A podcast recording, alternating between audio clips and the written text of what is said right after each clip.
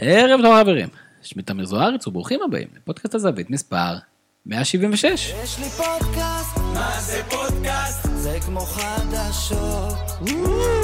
יש לי פודקאסט, מה זה פודקאסט? זה כמו חדשות. אני לא בטוח מתי ולמה זה התחיל, אבל איפשהו, כמעט מיד אחרי שגיאורגיוס דוניס הגיע למכבי תל אביב הקיץ, הקהל החליט שהוא אשם. הוא מחייך באימונים, מתבטא מוזר, וגם יש לנו איזה סלידה לאחרונה מאנשי מקצוע ושוערים מיוון. בשלב הזה כבר לא ממש משנה מה היווני יעשה. הוא יעלה ארבעה או חמישה שחקנים בהגנה, ישלב צעירים או לא ישלב אותם, יפסיק או יתחיל עם רוטציות, או יגלה את בן ביטון וניק בלקמן לאלסקה, הקהל כבר סימן את האשם. ניצחנו, אחלה קבוצה. הפסדנו, המאמן הזה צריך ללכת. זה לא שדוניס חף מפ- מטעויות, ממש לא. חוסר היכרות מספק עם הסגל שלו, הרבה אחרי הזמן הסביר, שינויים טקטיים תכופים, חילופים משונים ומאוחרים, מחיקה של יותר מדי שחקנים מהרוטציה, ותחושה כללית שהוא מנסה בכוח להתחכם בכל משחק. אבל בסופו של דבר, כשבוחנים את הנסיבות המקלות, הכוללות את הגעתו המאוחרת, סגל שנחלש או לכל הפחות השתנה משמעותית, השפעות הקורונה על זמינות השחקנים שלו והעומס הגדול והחסר תקדים בשל המפעל האירופאי, לשלב זאת עם הצלחה גדולה באירופה, שמשום מה אנשים נוטים לזלזל בה, עם המרחק הסביר מהצמרת של הליגה, אני חושב שצריך להכניס את הביקורת הזאת לפרופורציות. דוניס הוא לא איביץ', הוא גם לא יהיה איביץ'. הוא לפעמים יחטוף שערים וחלילה אפילו יפסיד כמה משחקים. ואני מבין שזה מבאס ושהתרגלנו אחרת. אבל אוהדי מכבי תל אביב יצטרכו בשלב מסוים לשאול את עצמם, האם הם סומכים שההנהלה, שלא הצליחו להנחית מאמן אחר בקיץ, גם כשהעונה כבר התחילה, תצליח בקרוב להנחית מאמן אחר ברמה גבוהה במקומו.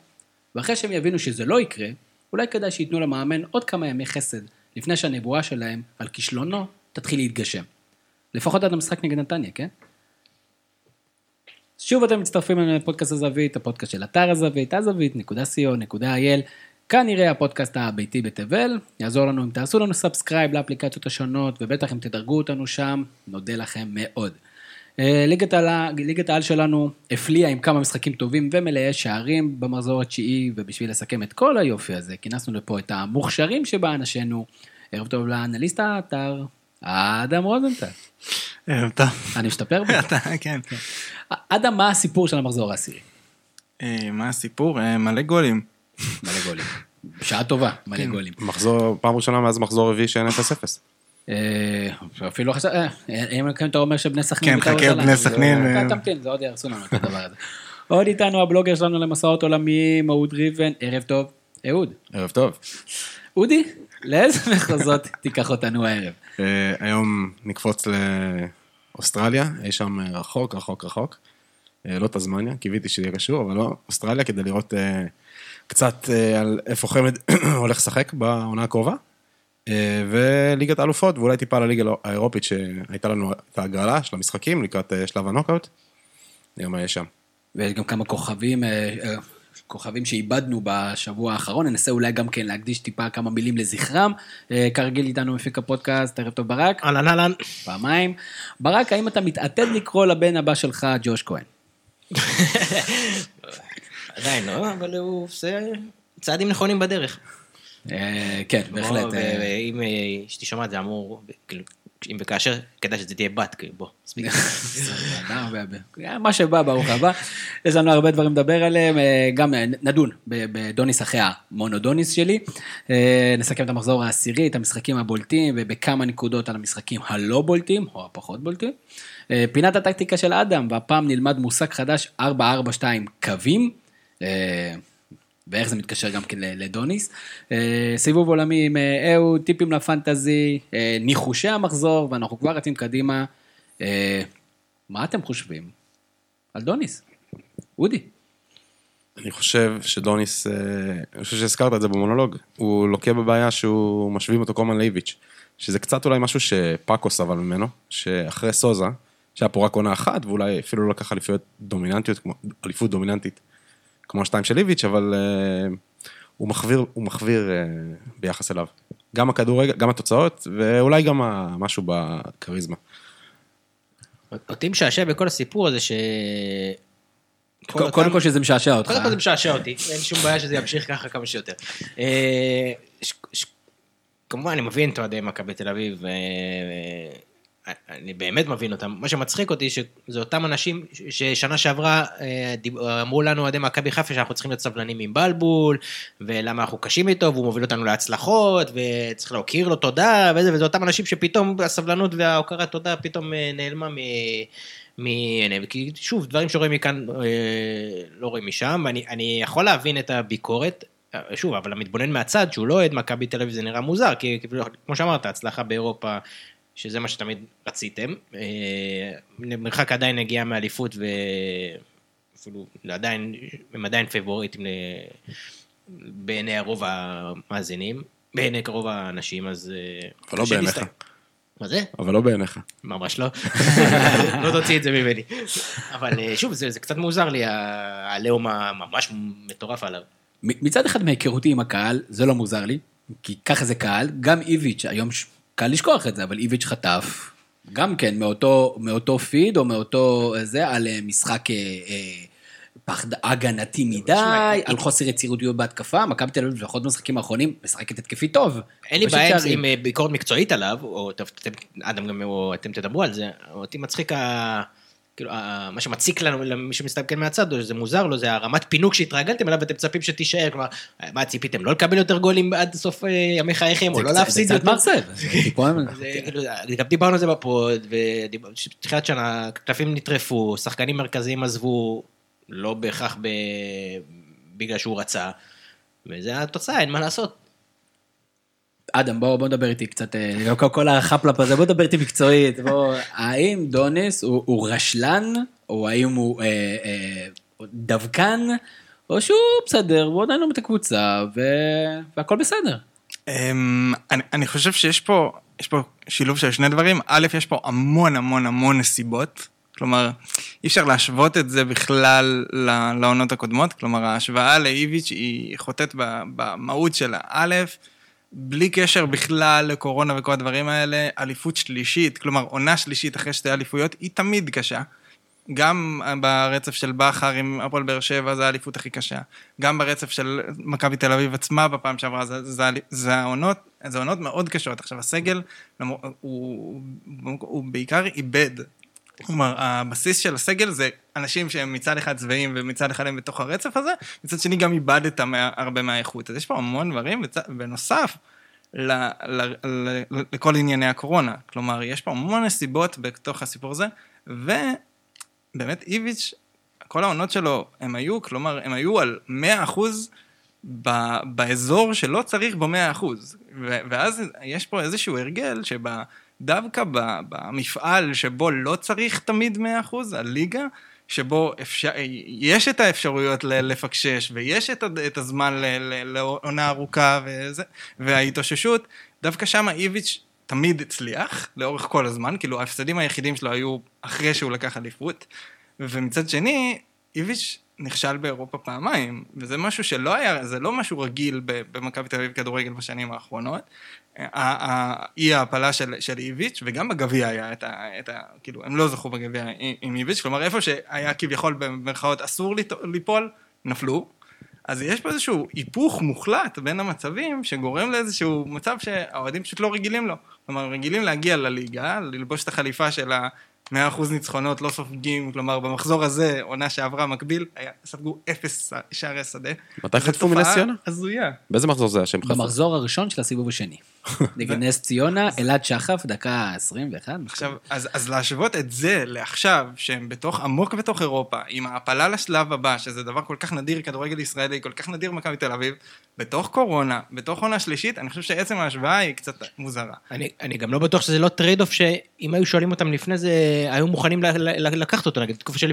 הרי אי אפשר גם וגם, למרות שאוהדי מכבי תל אביב מאוד מאוד רוצים, אבל החיים זה חיים של trade offים. ואני חושב שעוד יותר בעונה הזאת, כלומר, אנחנו רואים גם באירופה, שרוב הליגות באירופה עכשיו הפוכות, ורוב הקבוצות שמצליחות באירופה לא מצליחות בליגה. בגלל הקורונה, בגלל הרצף, בגלל שהיה הפסקות וה, והדברים האלה, רוב הקבוצות ששלטו בליגה בעונות הקודמות, העונה לא שולטות בליגה. כלומר, מכבי תל אביב היא לא חריגה, אם מסתכלים על הליגות הגדולות באירופה, גם לא בכמות ספיגות לעומת עונות קודמות, גם לא בכמות, בעיבוד נקודות לעומת עונות קודמות, זה משהו שהוא הוא תופעה שהיא יותר רחבה. ואני חושב שעצם, כאילו, ה- העניין הרגשי פה של מכבי תל אביב עם, ה, עם החוסר, כאילו, הפינוק הזה הוא פשוט הניגודיות מול מה שהיה העונה שעברה בליגה. כלומר, אם זה לא היה בא אחרי זה, לדעתי זה לא היו מסתכלים על זה עד כדי כך ביקורתי. כלומר, היה איביץ', הוא, בא כל משחק בליגה, התכונן כאילו זה משחק נוקאוט, וזה הרגיש כאילו מתכונן לכל קבוצה ב-200 אחוז, וזה עבד. והייתה איזו גישה כזאת של אנחנו, למרות שאנחנו גדולים, אנחנו מבטלים את הקבוצה השנייה, וזה תמיד הצליח, ופה דוניס מרשה לעצמו דווקא בליגה לפעמים אמ, לא לעשות את ההתאמות עד הסוף, או לעשות את הרוטציות, או לבוא פשוט ברצף משחקים הזוי, וזה כמובן שזה לא יכול להצליח באותה מידה. ולכן נראה לי עצם ההשוואה ועצם ההרגישה היא קצת אה, חוטאת למציאות. ושוב אני אומר, אני, אני כן מבין את האוהדים, כי היינו באותה סיטואציה שנה שעברה, שלכאורה מבחוץ הכל נראה תקין, והכל נראה מצוין וזה, ועדיין היה ביקורת גדולה על הקהל, שאני הייתי, שאני הבנתי אותה, אני מבין, כי מה שאתה רואה, שאתה אוהד ואתה רואה את זה מקרוב, יכול להיות שכנראה שיש דברים שבאמת הוא לא עושה תקין, והוא לא עושה אה, כמו שצריך, או כמו שרגילים, מעבר לתחושת פינוק אה, שמדברים עליה. אבל שוב, זה עולם של trade offים, אם היית שואל עוד מכבי תל אביב, האם אתה מוכן להוריד חמש נקודות בשביל להגיע, או בוא נשאל אותך, היית, היית, היית, שגיא מוליביץ', היית מוכן להוריד טיפה, מה, לא לספוג וזה, ולהיות במצב שאתה נמצא היום בשביל להיות ב top אה, אה, אירופה. חד משמעית, אני חושב שאחרי שתי אליפויות, בטח כאלה דומיננטיות, על, על מה שנקרא הניוטרל, שבירת כל כך הרבה שיאים. ורגעים מאושרים וכל הדברים האלה.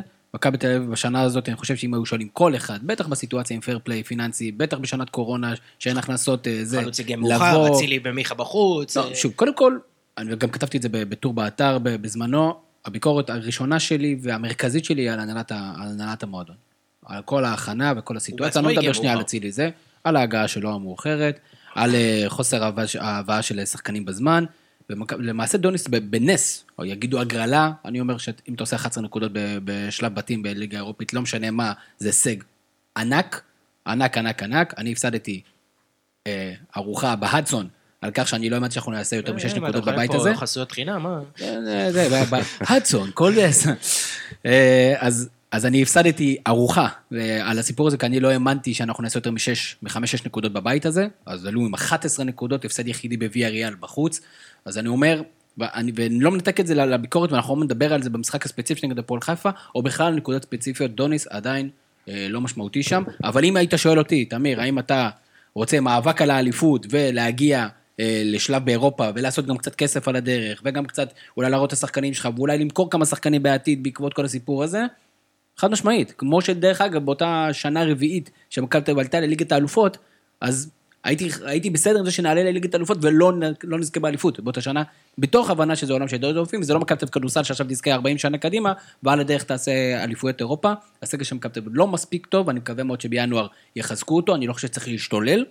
שחקן, שניים, יש סגל מספיק טוב, לא צריך להשתגע, אבל בוא נדבר שנייה על המשחק, כי אם יש לי ביקורת על דוניס, זה היה המשחק הזה, שאני תמיד חושש כשאני רואה שאנשים לא מאופסים, כש, כשמאמנים או שחקנים, מתראיינים בצורה מנותקת.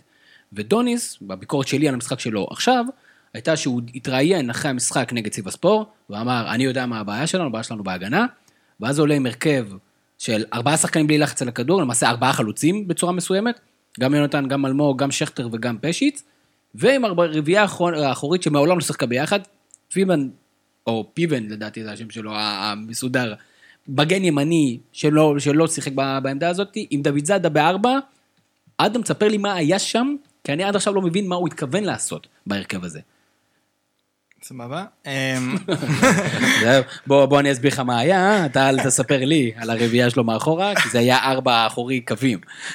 אמ, אז כן, אז קודם כל באמת דוניס עלה אה, גם רביעייה שלא שיחקה ביחד, גם החזיר את אה, פיבן אחרי שהוא לא שיחק הרבה זמן, וגם עלה עם מערך אה, חדש לחלוטין.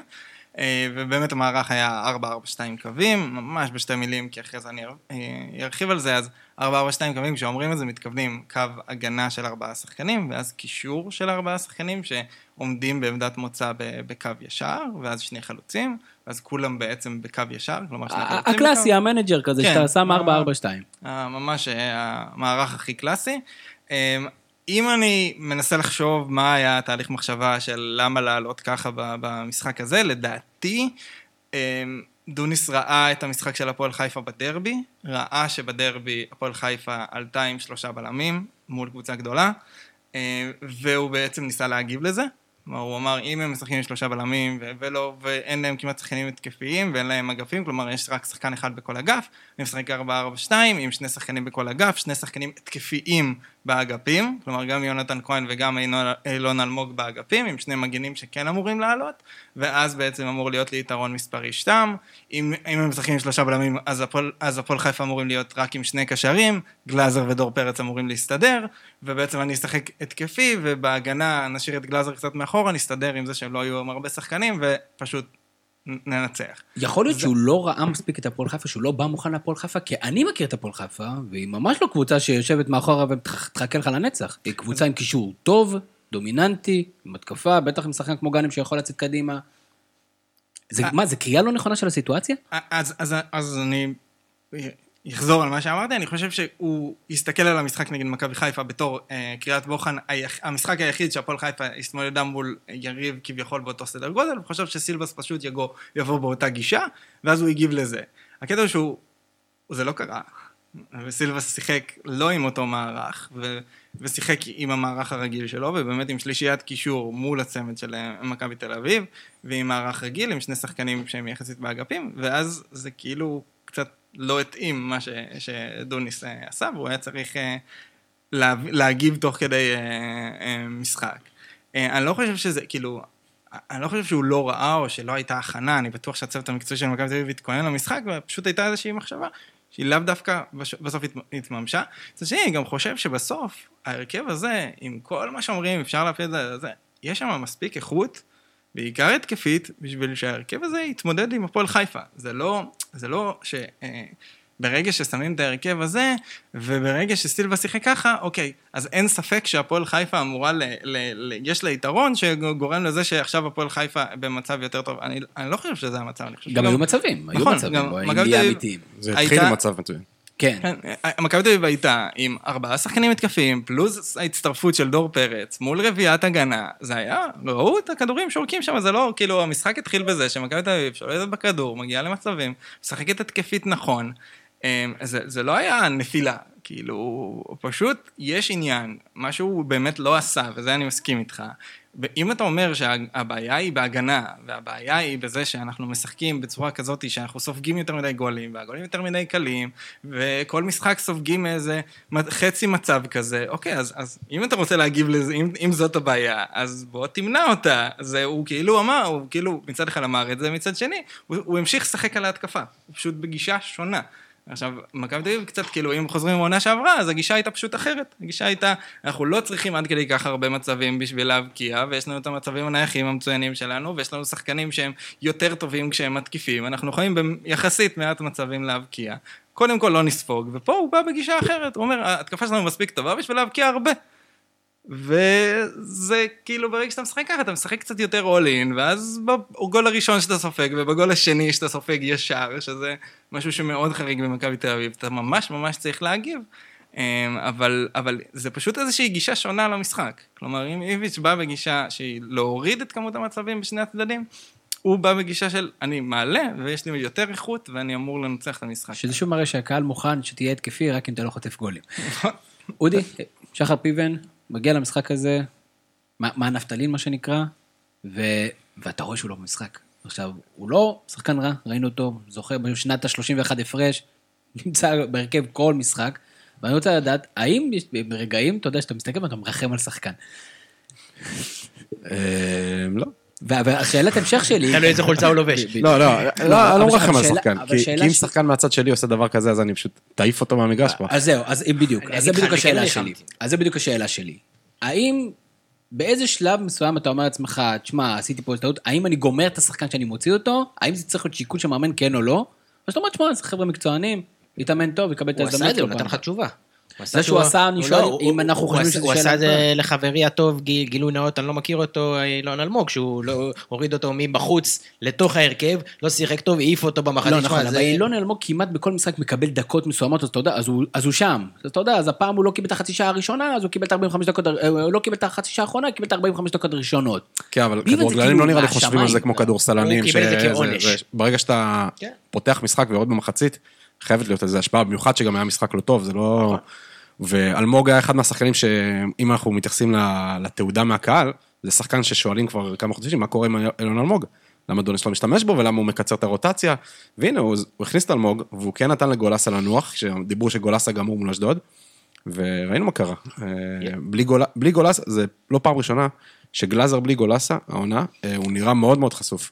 בגלל ה-4-4 שאתם מקבלים. כן, אז, אז בנושא הזה זה באמת, זה משהו שדוניס הולך איתו כבר הרבה, ואפשר, זה... כבר ו- משהו- ונופל- ונופל איתו הרבה. כן, זה, זה משהו שהוא באמת כבר הולך לא מעט בליגה. אה, ברגע שמשחקים עם גלאזר בקו ולא כשש, מאבדים המון מהיתרון שלו. דיברנו על זה במשחק נגד מכבי חיפה, שהוא התחיל ככה, והם ספגו את הגול, ורק כשהם עברו לזה שגלאזר הוא שש, אז, אז מכבי תל אביב התאפסה, והוא, והוא ממשיך עם זה. זה, זה באמת, אני... קשה, לי לה- קשה להסביר את, ה, את הנושא הזה, כי, כי גלאזר הוא פשוט פחות מתאים לזה. הקריאת משחק שלו, הוא, כשהוא, כשהוא רואה את, ה, את המשחק, רואה את, ההת- את ההתקפה באה אליו, ולא כשהוא בקו ויש לו צד שהוא צריך לקחת והרבה שטח מאחוריו.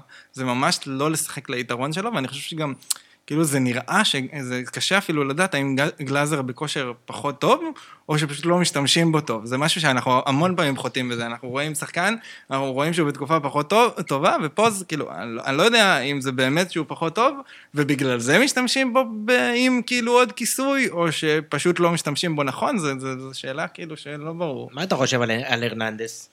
אני, א', היה פה איזשהו משהו מעניין- אפשר לדבר שנייה, מחצית שנייה, דוניס כאילו הגיב, הוא עשה שלושה חילופים, אה, עשה שלושה חילופים ושינה מערך. אה, אז אה, אני אתחיל דווקא מהמערך, בעצם הוא התחיל עם 4 4 2 עם קווים, ובעצם מחצית שנייה הוא עבר ל-4 4 2 נכון, סתם אוהב. להגיד קווים, גם אם נגיד עכשיו לא 4-4 שאתם קווים, היית אומר 4-2 קווים, זה כאילו בא לך כזה, כמו שם משפחה כזה, נכון? קווים זה נהיה מונח מודרני, פעם אה, לא, היו פשוט אומרים אמרו 442. 442. לא, אנגלי- קלאסי.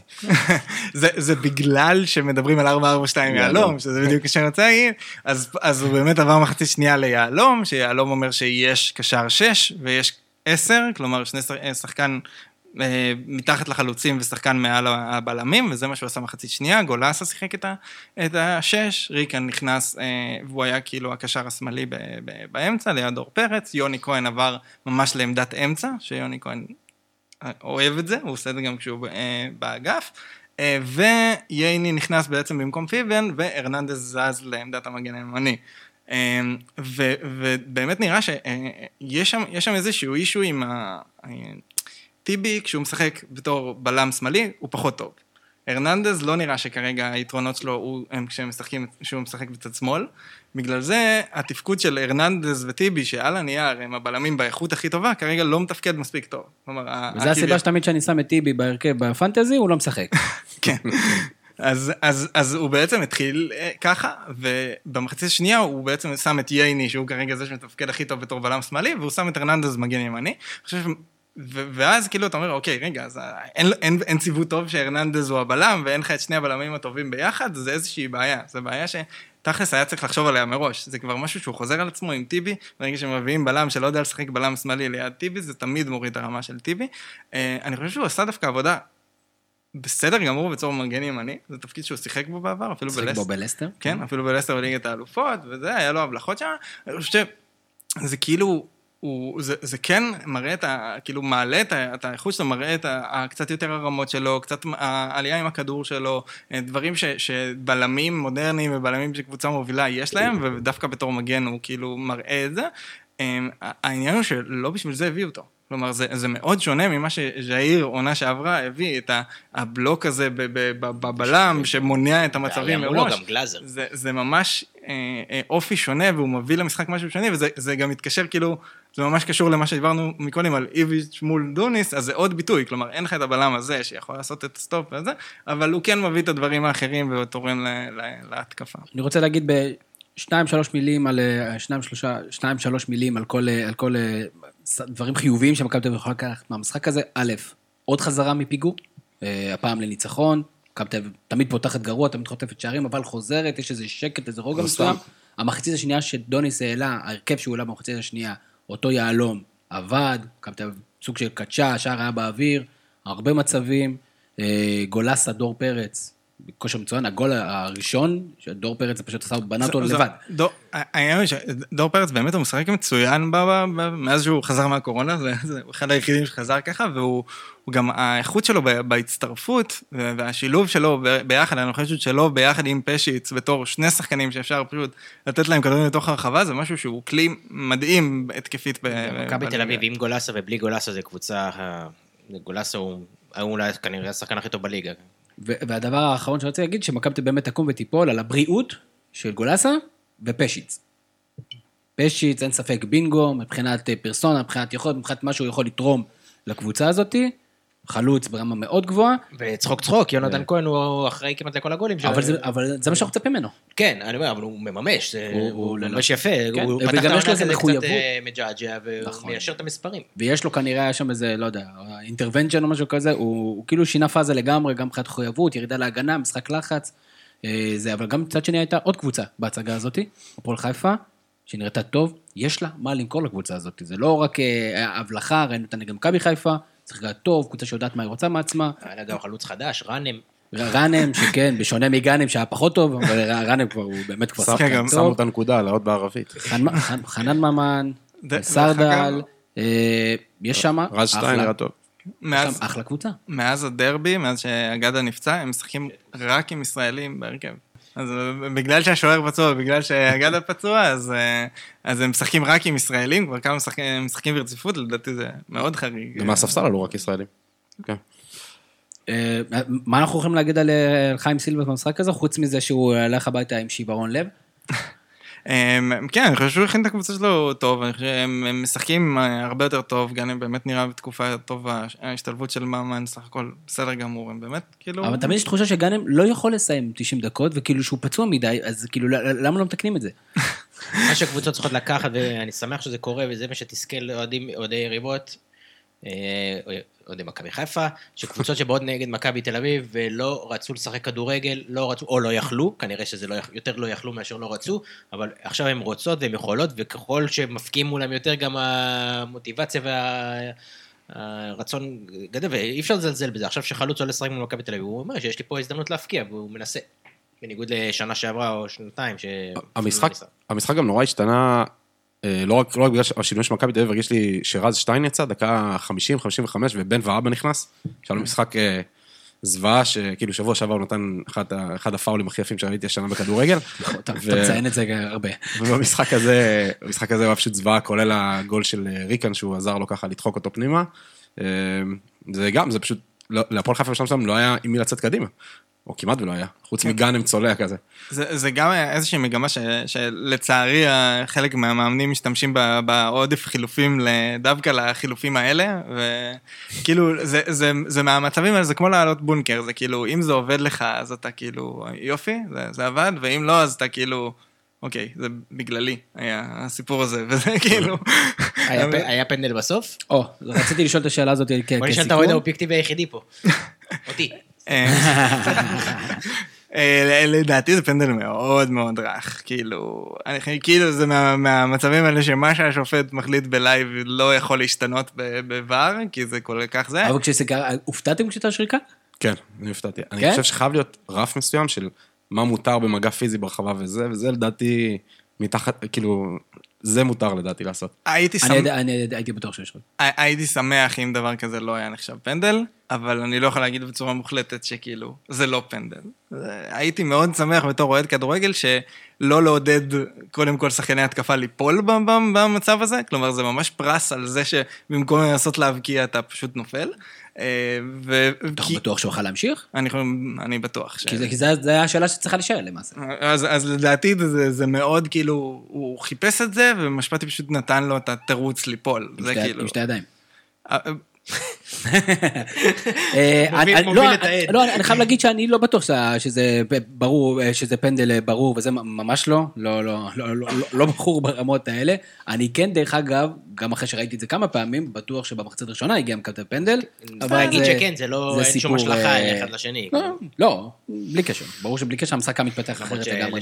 כן יש את ה- את המחשבון הזה בראש. זה זה מה שכן, אהבתי. אהבתי בניגוד ל- למשחק של מכבי חיפה וקריית שמונה, שפוקס לפחות, ההחלטות התקבלו מאוד מהר.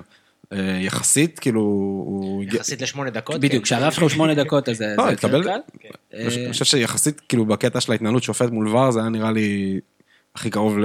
הכי קרוב עדיין לטוב חייבים מאוד. לפתור. את זה, כי העבר בערך לקח שם, וגם בגלל זה היה שבע דקות זמן, זמן פציעות, שזה לא סטנדרט. עוד משהו שהיה לא סטנדרט, זה משחק שבו הפועל תל אביב, שיחקה כדורגל נגד מכבי חיפה, והמשחק הזה התפתח בצורה מופרעת, עוד משחק שהיה כיף מאוד למתבונן מהצד להסתכל, אז זה שמח, אז שקד בויר, איזה כיף שיש לנו משחקים כאלה בכדורגל, היש- בכדורגל הישראלי, זה טוב למוצר. וקודם כל ברק, מה- מה- מהצד שלך, מכבי חיפה, עוד פעם, פותחת בסערה, חזק, לחץ גבוה, החמצות שאני מגדיר אותן רשלניות, באמת רשלניות, כי זה לא שהשחקנים האלה אין את האיכות לשים גולים, פשוט רשלניות, קורות והזדמנויות, ואיזו אדישות כזאת שהכל בסוף יבוא, וכמעט שילמתם על זה. לא מצליחים לסיים משחקים, זה קורה שוב ושוב ושוב ושוב ושוב. הסתבכות אה, מיותרת כל פעם מחדש. אה, אבל אה, תשמע, כאילו ניצחנו, לא מתלונן עכשיו, ברור שיש הרבה מה ללמוד מהמשחק הזה. תכף נדבר על זה גם בצורה יותר אה, לעומק, אבל ב- ב- במקרו, ב-high level, אה, אני לא שותף לכל הבכי וה... לקחנו משחק רביעי רצוף, לא ספגנו עוד פעם, בסופו של דבר בשורה התחתונה, שזה מה שקובע, ממשיכים הלאה, לוקחים את הנקודות וממשיכים הלאה. אבל כמובן שיש המון מה ללמוד במקרה הזה, זה היה נראה שידור חוזר של כפר סבא באיזשהו שלב. אה, כשהפועל ולא תל אביב, מה זה? רק בלי הפועל חוליית התקפה הפועל מאוד תל אביב מהירה. לא מסוגלת, הפועל תל אביב לא מסוגלת לא להבקיע גול. מסוגלים, זה פשוט קבוצה נוראית הפועל תל אביב, באמת, שזה... קבוצה אחרת הייתה מענישה אותנו שם אה, קשה. זה לא שהיא לא קבוצה, היא לא כזו קבוצה נוראית, היא פשוט לא מסוגלת לשים גול, זה... גם אני חושב שזה כבר אפילו ברמה הפסיכולוגית באיזה מקום מסוים. הדבר שהכי מדאיג אותי, ואני מרגיש קצת שאני חוזר על עצמי פה, ואולי אדם ירגיע אותי, אולי לא, אני לא יודע, אבל אה, זה נושא פלניץ', ששוב, מבחינתי אני סימנתי אותו כשחקן הכי חשוב של מכבי חיפה, והוא הוא- לא רק שהוא לא משתפר, הוא נהיה יותר גרוע ממשחק למשחק. ועכשיו, זו שאלה גם מצוינת לגבי מה שאמרת קודם, האם זה באמת המערך שלא עוזר לו לשחק טוב, או שהוא פשוט לא שחקן טוב, אבל הוא פשוט לא עוזר לערד להיות טוב יותר, וזו בעיה רצינית מאוד מאוד מאוד, שצריך לפתור אותה בינואר. שלא לא פשוט לפגוע בבלם, בטח בינואר. אני חושב שזה שווה הימור. במצב הנוכחי זה שווה הימור אה, על זר כמובן. אה, יש לך את חתם, למה אתה צריך זר? אז אה, אם כבר אמרת חתם, אגב, בוא נעשה, איך הם אומרים בט- בטוויטר, דעה לא פופולרית, אם הוא מגיע לחיפה, שוב, אני לא יודע לגבי זה, אבל אם הוא מגיע לחיפה, שוב, קרא לזה תחושה, קרא לזה, זה רמי גרשון 2. זה רמי גרשון 2. ואני עד- מוכן... אז עד, לא רציתי לפתוח איתך, אבל אני רואה את הפרצוף שלך. אל תביאו אותו. אני יכול להגיד שאני אשמח שחתם... אה, כן, אמרו את אותו דבר על רמי גרשון. אמרו שזה Game Changer וצריך למנות שהוא יגיע למכבי תל אביב, ושזה יהיה שובר שוויון, שניצחנו את ההגמוניה ויצרנו... אני לא בטוח שהשתמשו אז במילה הגמוניה, אני חושב שזה משהו שרק. אותם משפטים. עוד לא יודע, הייתה להם. הגמוניה, אז שהרב גרשון הגיע, אני חושב.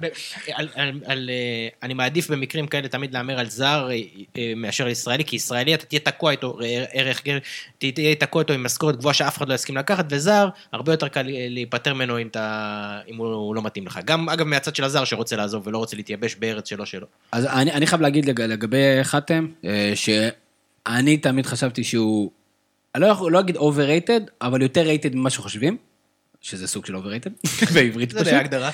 אה, לא בגלל שאין לו את היכולות, יש לו את היכולות, יש לו את המהירות, יש לו את ה... זה, יש שם איזה משהו בעיניי מנטלי, או חוסר ריכוז, ותמיד הוא בסוף ייפול באיזה משהו, בהפועל באר שבע תמיד הוא מקבל אדומים כאלה, אה, אני יודע שאוהדי הפועל באר שבע מאוד אוהבים אותו, וכמובן שברמה הישראלית הוא שחקן טוב, אין שאלה, אני גם חושב שהוא שחקן נבחרת ישראל לגיטימי, אבל... אני חושב שבסופו של דבר, בסט היכולות שלו, איכשהו תמיד משהו נופל, וגם תמיד ישכח לו, ש... לא ישכח לו את ה... שאני חושב שזה היה נגד סקוטלנד, או אחת הנבחרות, שהיה איזה מהלך מדהים של נבחרת ישראל, כזה, היה כל רגע, רגע, רגע, רגע, הגיע אליו ל-16, לתת בעיטה והוא פספס את הכדור. איך יכלת לפספס את הכדור? חתם.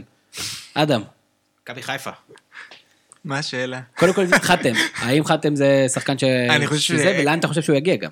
אני חושב שכרגע הוא אחד השחקנים היחידים שאני יכול לחשוב עליהם שהם ישראלים שהם אשכרה יכולים לתרום כל קבוצה בליגה. אמ, אני, אני דווקא מהאסכולה אני לא חושב שהוא בלם מושלם, אפילו לא קרוב לזה. אני חושב, כאילו עשו לו את ההסבה הזאת, אבל יש בו את המשהו ה over פראי, over טוב בדברים שלאו דווקא צריך אצל בלם, שגורם לו באמת את היותר יציאות, יותר אה, זה. אני חושב מצד שני, נגיד במכבי חיפה, אנחנו רואים מבוקה כרגע במעמד מאוד מעורער, ורז מאיר, אה, זה, זה הוא לא... רז מאיר. כן, זה לא ברמה הזאתי, אני חושב ששחקן שיכול לשחק גם מגן ימני, גם בלם, גם את כל, לשחק גם שלושה בלמים, את שני התפקידים, גם אה, בלם וגם אה, בצד ימין, הוא שחקן שהוא מכפיל כוח בעצם כמעט לכל קבוצה ב- בליגה, יש לו המון איכויות, ביחסית לליגה מבחינת אתלטיות, מבחינת הרבה דברים. בקיצור, כל קבוצה שתיקח אותו, אני לא מסכים עם ברק. משכורת גבוהה גם. אני חושב שכל קבוצה שתיקח אותו תרוויח, זה, זה שיפור ממש, מכבי תל אביב, מכבי חיפה, ביתר, הפועל באר שבע, כל קבוצה זה שיפור לעומת מה שיש עכשיו במשהו שהיא צריכה בו עזרה, אמ, ואין לי מושג לאן הוא יגיע. כן. חבל מאוד, אנחנו חושבים לך יותר. אה, אודי יוחאי אה, שטיינזר שואל, לגבי ההבדלים, שבשנה שעברה מכבי חיפה הייתה קבוצת המחצית השנייה, והשנה היא קבוצת המחצית הראשונה. אז זה עניין של אה, כושר גופני, זה עניין של הכנה של מאמן שיודע להכין ואולי מנהל את המשחק בצורה שונה. האם אתה יודע לשים את האצבע על התעלומה הזאת? לדעתי זה דגש של, דגש של מאמן. אני חושב אולי קצת יותר מוקדם, אה, שחזרנו מהפגרה, דיברנו על כושר גופני, וכל העניינים של עם הצוות הבריטי פחות מעורב, והצוות של בכר יותר מעורב. אני לא חושב שיש בעיה של כושר גופני במחצית השנייה. יש משהו מנטלי, ואני אולי גם העניין הזה שלא מצליחים... אבל יש מנהלים מנטליים. לא. איך הוא חיכה לזה, שתרים לו. הוא אמר, אני לא יודע, אני לא זה. הוא יכול להיות שהוא עוזר במקרו, במיקרו אנחנו רואים ש... למרות שאנחנו דווקא הולכים אחרי שני משחקים קודמים היו דווקא מחצות ראשונות פחות טובות, מחצית שנייה... בקיצור, זה הכל שטויות ואנחנו מחפשים אה, להיתפס בדברים. אז, אז רגע, אני חוזר לשאלה, אה, מה הסיפור עם אה, פלניץ'? אה, אני, אני רוצה שתגיד לי... הוא לא יעזוב אותך. לא, אני רוצה שהוא תגיד לי, האם זה השחקן, או האם זה או משהו שבכר לא שם אותו כמו שצריך. קודם כל, אני חושב שיש בעיה שדומה למה שאמרתי על הרננדז וטיבי. אני לא בטוח שבלם בצד שמאל זה משהו שמטיב איתו, מצד שני גם מפריע רד, בצד שמאל יש, יש עם זה בעיה, כלומר, עצם זה שמראש הביאו בלם עם רגל ימין, שהוא לאו דווקא הכי נוח לו עם, ה, עם הכדור ברגל, יש שם, זה, זה בעיה. כלומר, היה עדיף שהוא יהיה בלם ימני, אם הוא צריך להיות הזה, הוא צריך להרגיש יותר בנוח, כרגע הוא בשמאל, וזה נראה שעם הכדור יש, יש שם איזושהי בעיה. אני חושב גם שכאילו דווקא במה שציפינו שהוא יהיה בו אה, טוב, כרגע יש לו יותר מדי נפילות. אני חושב שכאילו, יש פה איזושהי, היה, הייתה ציפייה שבמאבקים הוא יהיה מצוין, בגישה של מתי לתקוף את הכדור הוא אמור להיות טוב, זה כאילו, זה העבודה של... גם את הבלם המוביל, הבלם של הדור חלש יותר אפילו ממנו, אז אה, בעיה. כן, וכרגע נראה שממש יש שם ליקויים, כלומר, ממש קבלת החלטות לא טובה נכון. במתי לצאת לכדור, הספק פנדל שבוע שעבר קריית שמונה, זה ממש עלה, והוא נכון. ממש עזב את הקו הגנה. והפסיד את המאבק, גם עכשיו היה לו איזה, ממש איזה דקה רביעית, המצב של דוד היה מזה שהוא הפסיד שם על אה, של זיקרי, ואז כל ההגנה התפרקה בגלל, בגלל שהוא, כאילו, אם אתה כבר יוצא לכדור, אתה חייב לזכות בו. אה, וזה קורה כרגע, הנפילות האלה. או רגל או כדור.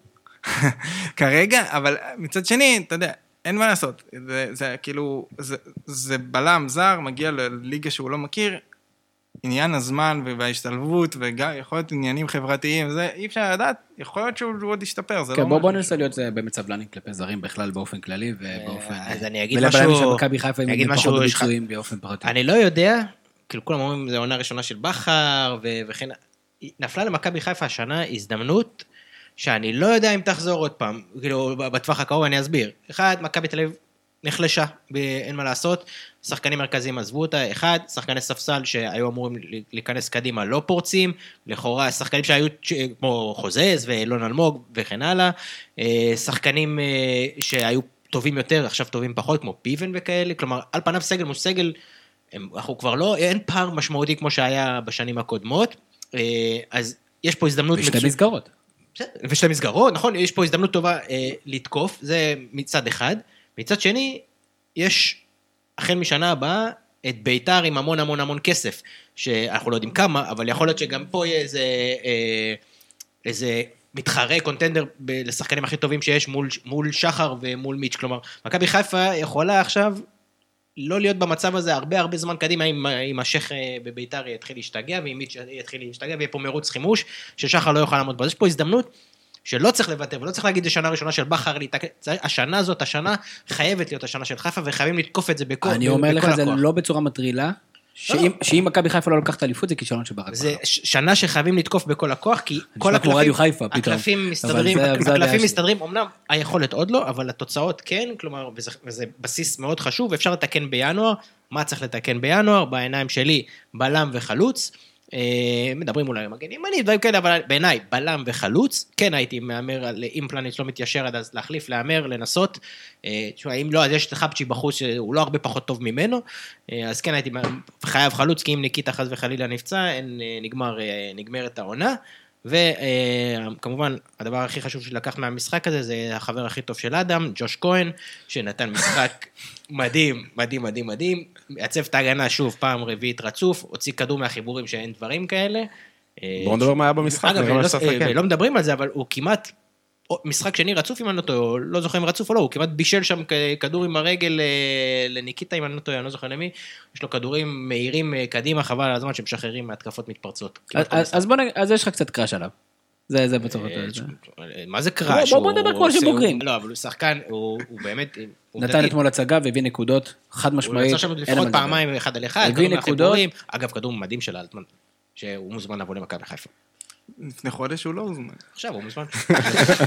עכשיו קיבל הזמנה, מה קרה? היה אודישן והוא היה זהו, בזמן. זה היה האודישן? עד מה ראינו במשחק הזה שהתפתח להיות משחק שונה ממה שחשבנו, חוץ משאני אמרתי שזה הולך להיות ניצחון קשה במכבי חיפה וצדקתי. טעית. כי אולי עובדתית התוצאה היא 1-0, אבל זה ממש ממש ממש לא משחק של 1-0. כלומר, זה שהתוצאה היא... לא הבנתי אם היה 5-4 זה לא משחק קשה? אמרת 1-0. אני לא בטוח שאמרתי חצי, אני חושב שאמרתי משחק קשה. אוקיי. אני, אוקיי, גם בעניין הזה, אני חושב ש... ואתה אמרת שיהיה ממש לא משחק קשה.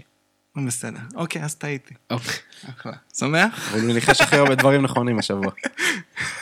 גם בשבוע שאני עוקף אתכם, אתה... אוהב. מה היה טקטית במשחק הזה? רגע, אוקיי. אז, אז שנייה, אני רק רוצה לזה. אני מרגיש שכאילו מדברים על מכבי חיפה כאילו היא הפסידה עכשיו ארבעה משחקים וספגה מלא גולים ולא מצליחה להבקיע.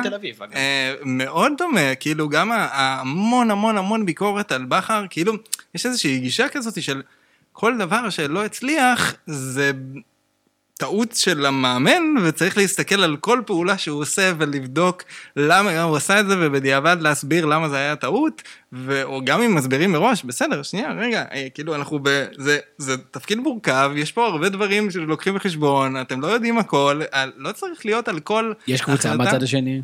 כן, יש קבוצה, הכל, כאילו, זה, זה, הגישה הזאת של... גם, כאילו, זה, זה גם נהיה אבסורד שכאילו משווים ל, ל, ל, לבלבול, וזה כאילו הכי ההוכחה למה שהסברתי מקודם על דוניסוס ואיביץ', כאילו ההשוואה לבלבול היא עכשיו באיזושהי כמיהה ללמה הוא לא עושה כמו בלבול. רגע, בוא'נה, לפני, הוא דווקא די עושה כמו חצי- בלבול. לפני חצי שנה, כשזה היה בלבול, אתם התלוננתם בלי סוף על מה שבלבול עושה, אז עכשיו ברק בכר מתמודד עם סיטואציה אחרת, עם קורונה, ועם כל, ההתמודדים ש... את כל ההתמודדות שאנחנו מדברים עליה, והלחץ שברק לפני שנייה דיבר עליו, כי ברק מדבר על זה מנקודת מבט של צריך ללכת על זה בכל הכוח, אבל מצד שני, זה בדיוק מה שאומרים לבכר באוזן. כלומר, לבכר אומרים, זאת העונה שאתה חייב לקחת אליפות. שזה הוא בא. אם לא תעשה את זה, אתה נכשלת, כמו שתמיר אמר. אז זה איזושהי התמודדות שהיא שונה. בלבול היה באנדרדוג אחרי 30 הפרש של איביץ'. זה הפתעה בכלל שהוא היה באזור. זו סיטואציה מאוד שונה, כל הדברים האלה, וכל השיח הזה הוא מאוד מוזר, ובעיקר זה כאילו שזה בא אחרי ארבעה משחקים, ניצחון עם נקי. מאוד אני מוזר לא לי. חושב שהשיח מאוד משמעותי כמו שחושבים. אוהדי מכבי חיפה, תוך כדי משחק כועסים, אבל אתה אתה לא תמצא עכשיו מישהו שיגיד בכר הוא עכשיו- לא צריך להיות במכבי עכשיו, חיפה. גם ספציפית כשמסתכלים על תמיד המשחק... תמצא, אבל לא צריך להגיד את הקול הזה. גם ספציפית כשמסתכלים על המשחק, אני חושב שהנקודה היחידה שהיא באמת, אה, צריך להתעכב עליה מבחינת, אה, כאילו, שההתייחסות באמת צריכה להיות אה, זה, זה מה קרה שם דקה 65 ומעלה. באמת, אין ספק שהחילופים הפעם של מכבי חיפה פשוט פגעו בה בצורה מאוד קשה. אה, ההוצאה של אבו פאני גרמה למשחק פשוט שהוא היה לא טוב. זה הרגיש כמו עונש. על ההחמצות שלו. אני לא, גם- לא, אגב, גם הוא הרגיש את זה כנראה. יכול להיות שזה זה, יכול להיות שזה ענייני עייפות, מדדים, אני לא, אני לא באמת יודע מה הייתה הסיבה, אבל זה הרגיש ממש, אתה מסתכל אפילו אובייקטיבית, אתה מסתכל, אוקיי, זאת השלישיית קישור פה, זאת השלישיית קישור פה, ועוד אחרי זה הוא הוציא גם את נטע לביא, אומר, רגע, לא בטוח שהשלישייה של מכבי חיפה בכלל אמורה לשלוט במשחק בסיטואציה הזאת, אה, והפועל תל אביב פשוט לקחו את זה, כלומר, מכבי חיפה הורידה הילוך שם בצורה שהיא עשתה פעם, כאילו, אנחנו רגילים לראות את זה רק מול מכבי תל אביב, זה כבר פעם שנייה שזה קורה, גם נגד אשדוד בסוף המשחק. זה היה סיטואציה מאוד דומה, אה, ועל זה כן צריך להתעכב. כלומר, אני חושב שהעניין הזה של תחילת המשחק, החוסר אה, אה, הריגת משחק, או החמצות, או זה, אני, אני כאילו חושב, עצם זה שמכבי חיפה שיחקה כל כך טוב והגיעה לכל כך הרבה מצבים, אה, זה, זה צריך לתת לה על זה קרדיט. זה שאחרי זה היא הגיבה לא טוב לסיטואציה של רק 1-0, וחילופים שכל כך גורמים לה לרדת, זה כאילו, זה היה פסיביות של, של קבוצה שמחכה לספוג, זה משהו שהוא לא סביר. הייתה שם גם נפילה מטורפת של שרי, שפתאום נעלם. פתאום... ב- אני חושב ששרי פיזית באמת, ב- ב- כאילו, הוא לא, הוא לא במצב אידיאלי. רואים- שכל משחק הוא פותח מדהים, הוא משחק, הוא נראה שחקן שתי הוא רמות שם- מעל עשה שם הליגה. סבסוב על ה baseline, כאילו כן. הוא שחקן NBA. היה שם, היה שם איזה קטע ש- זה שליידנר לא, לא פתח בהרבה משחקים, העונה קלינגר כאילו בא כזה, הנה, עונה שעברה, ליידנר אה, היה השחקן הכי טוב בעולם נגדכם, אני עוד פעם שם לכם את הבובת וודו, וזה ממש לא עבד. כלומר, שרי פשוט התעלל בו שם באגף, היה כמה מהלכים ממש לא טובים של ליידנר, שיצרו שם מצבים, הרבה, רוב ההזדמנויות היו, היו משם, שרי באמת פתח מעולה, חזיזה עוד פעם שיחק טוב, כאילו ההתקפה של חיפה הייתה, כמו שאנחנו מצפים ממכבי חיפה, והגיעו באמת להמון הזדמנויות, כלומר, במצב רגיל זה כאילו, טוב, כבר היה צריך להיות 2-0 כזה מהיר, מקסימום איזה 2-1 עם ה... אוקיי, אנחנו סופגים במתפרצת אם זו קבוצה נורמלית, אבל אני לא חושב שזה היה משחק שחיפה, כאילו, מחצית ראשונה לא הייתה שם. היא הייתה שם לחלוטין, היא עשתה את זה. הנפילה הזאת בסוף, זה, על זה צריך להתעכב. אהוד, אתה לא האדם. רוקאביצה, חוזר אה, לכבוש, או כמו שרוקאביצה אמר בעצמו, לא הפסקתי לכבוש, פשוט הפעם לא פסלו לי, שאני דווקא אהבתי את הקיצה הזאתי, שהיא גם חצי מדויקת, וכאילו עושה רושם שבמשחקים האחרונים, הוא בכושר פחות טוב, עדיין מספק את התוצאה, אבל מחמיץ הרבה יותר, מה... עדיין, זו תופעה, ניקיטה רוקאביצה, מספרית, מדהים השנה. לא, הוא מגיע למלא מלא מצבים. אה, ההגנה של הפועל תל אביב אתמול הייתה, אה, לא, ההגנה שהיא ניסתה לצאת קדימה, הייתה נוראית. אה, אבו פאני ונטע לביא שם חטפו, נטע לביא פחות, אבל אה, שרי ואבו פאני אה, חטפו כמעט כל כדור שהם ניסו להעביר קדימה. אני לא חושב שניסו בכלל לחטוף, הם הכדורים הכדורים הגיעו אליהם הרבה. פעמים פשוט. זהו, גם הגול הגיע ממצב כזה, אני לא זוכר, סרדל נראה לי הרחיק, או... לא, זה היה. ה- אה, קולו, נכון. קולו זה, ושרי הפך את זה לבישול לרוקאביצה. אה, שרי מסר לאבו פאני, פאני. מסר לזה, לרוקאביצה. הוא מקבל המון מצבים קלים. אבל אבל תשמע, הוא מסיים בשמאל, הוא מסיים בימין, הוא מסיים בראש, מאוד מאוד מגוון. אה, כל הזמן הוא מגיע גם להמון מצבים כל משחק, זאת אומרת, זה לא פתאום, זה אפילו לא אחוז ניצול מצבים יוצא כן, דופן. אחוז ניצול אה, דווקא חלש. כן, לו יכל לשים שלושה גם במשחק הזה, ולפנק את מי ששם אותו קפטן אה, בעוד כמה נקודות. יש שחקנים לפעמים שהם בזון, הוא בקבוצה שתוקפת הרבה ומגיעה להמון מצבים. אין סיבה שהוא לא... שחקן מוכשר בכושר מצוין ובריא בתקופה הזו שזה לא מובן מאליו. אין סיבה שהוא לא יכבוש או כמעט יכבוש כל משחק. רק בוא נגיד שנייה מילה על רוקאביצה ועל החוזה שלו, שהוא אוטוטו... אני כתבתי גם בטוויטר, ש- ש- כאילו זה, זה כאילו דברי כפירה להגיד, אבל uh, בגלל הגיל שלו ובגלל, לא, כאילו, אני בדעה שלא בכל מחיר, כלומר, זה כנראה, ש- שוב, אמרו את זה גם שנה שעברה, אבל uh, זה כנראה שנת שיא, uh, סביר, הגיונית, סטטיסטית, שתהיה ירידה אחרי זה, וכמובן שבכל מחיר סביר. שאפשר לה, לה, להשאיר אותו, זה יהיה מדהים, אבל לא להתאבד עכשיו כלכלית או לשים אותו כך לשים את כל מה שכל... אבל ה- אין, קשה למצוא חלוצים, ברק. מה, פשיץ הגיע נכון, אבל בעבורות? סביר שתיתקע עם חלוץ בן 35, שעוד שנה וחצי לא יפקיע לך את, המספרים האלה, אבל ואתה לא תוכל להביא שחקן נוסף בגלל שיש לו חוזה של אה, כך וכך אה, מאות אלפי דולרים. אז שוב, כן, לעשות מאמץ גדול להשאיר, אבל לא בכל מחיר. כלומר, אה, הוא, לא צריך להיות השחקן הכי יקר בח- בחיפה בשנים הקרובות לדעתי. שזה צריך להיות. אה, אה, לגבי הפועל תל אביב, נכון, היא, היא כאילו, שוב, מועמדת די ברורה לירידה, תשמע, זה לא צחוק, אבל היא, נכון, מהקבוצות האלה, שאם היא תרד, יש הרבה מה לקחת משם. כלומר, יש שם אה, כאילו, זה הקבוצות האלה במנג'ר שאתה אוהב שהם... לבזוז- כן, כאילו? אתה אוהב ש... זה הקבוצות האלה שאתה אוהב שהם ירדו. רק אם יש להם. אה, סעיפים בחזה. כן. אני לא בטוח שהקבוצה כדורסל שמים סעיפים. לא, לפעמים- פתאום מודיעים לך שאין בעלים, ואז עד שאין בעלים חדש, הם לא מוכרים לך את השחקן. כאילו- אה, כאילו. כקבוצה הם לא טובים, אבל יש שם בודדים טובים. שאפשר... הם גם לא היו טובים כאלה רעים כקבוצה.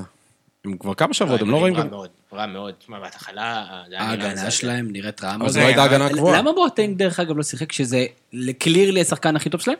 זה זה לא קלירי, זה גם... לי זה קליר. אה, סבבה, אבל אה, זה כבר כמה שבועות שהוא... שמת לב, קלירלי. כן, קליר. לי. כן. הוא כבר כמה שבועות on off בהרכב, אני לא יודע מה קורה שם, הוא לא בתקופה כזה, כזאת טובה, אבל כן צריך להגיד שהם היו עם ממש קו הגנה שהוא, אף שחקן מהרביעייה האחורית שלהם הוא לא, כאילו הפותח בעמדה הזאתי, אבו עביד היה בלם, גוטליב לא שיחק, אה, אבו עביד בדרך כלל משחק מגן ימני, סרדל משחק מגן ימני, לייטנר בדרך כלל לא פותח, גרופר בדרך כלל פותח, ממש, כל הרביעייה לא, הייתה אספו כמה מאחורה. שחקנים כזה שהגיעו לזה, לוולפסון, ואמרו יאללה בואו. ואני חושב שזה ממש, אה, זה, זה בלט שהם, היציאה שלהם עם הכדור מאחורה. אה, אז ראו, זה ממש בלט שהם היו בלחץ, לא ידעו איך לצאת מה- מה- מאחורה עם הכדור, מכבי חיפה שיחקו על זה מצוין ב- בהתחלה. אני באמת חושב שכאילו, הדבר שהם הכי צריכים או יכולים לקחת מהמשחק הזה, זה באמת ההופכי של מה שאמרתי על מכבי חיפה. כלומר, הדקות הטובות שלהם באמת היו טובות. כלומר, הם לא, הם לא... הם, הם לקחו את מה שהיה לקחת, הם השתלטו על המשחק, הם לא פחדו לשחק מול מכבי חיפה. אה, הרבה קבוצות, כאילו, גם כשמכבי חיפה קצת מורידה הילוך, הם לאו דווקא באמת היו תוקפים גלים גלים ומגיעים הם למצבים. יצאו, הם יצאו קדימה. הם, והם באמת עשו את זה. ואלטמן באמת היה משחק מעולה. הוא כאילו, הוא גם, הוא כאילו, כל החסרונות של ההגנה של חיפה, הוא פשוט ניצל אותם, הוא יודע לשים גוף מצוין. חופשיות מטורף, מה כן, זה? הוא יודע לשחרר כדור. הבעיה הכי גדולה, ואמרתי את זה גם פעם, כמה פעמים, נראה לי יש פה איזה עניין של הוא לא סומך על שחקנים שלידו, הוא לא מוסר מספיק, וכמו שאמרתי, קצת בצדק. ובפעם היחידה- שהוא מסר, שני השחקנים רצו לכדור, והכדור עף לאיפשהו. לאיזה יציע, שזה היה מול שער ריק, כאילו, פשוט החליט אה, לנסות לאזור אחר. אה, הפועל באר שבע חוזרת לעניינים, ופתאום כשהזרים שלהם חוזרים, זה גם נראה כאילו, שוב קבוצה טובה. לפני שבועיים אמרת, מי זה הערב רב של השחקנים האלה? ו- וגם מתפתח משחק טוב בין הפועל באר שבע לקריית שמונה.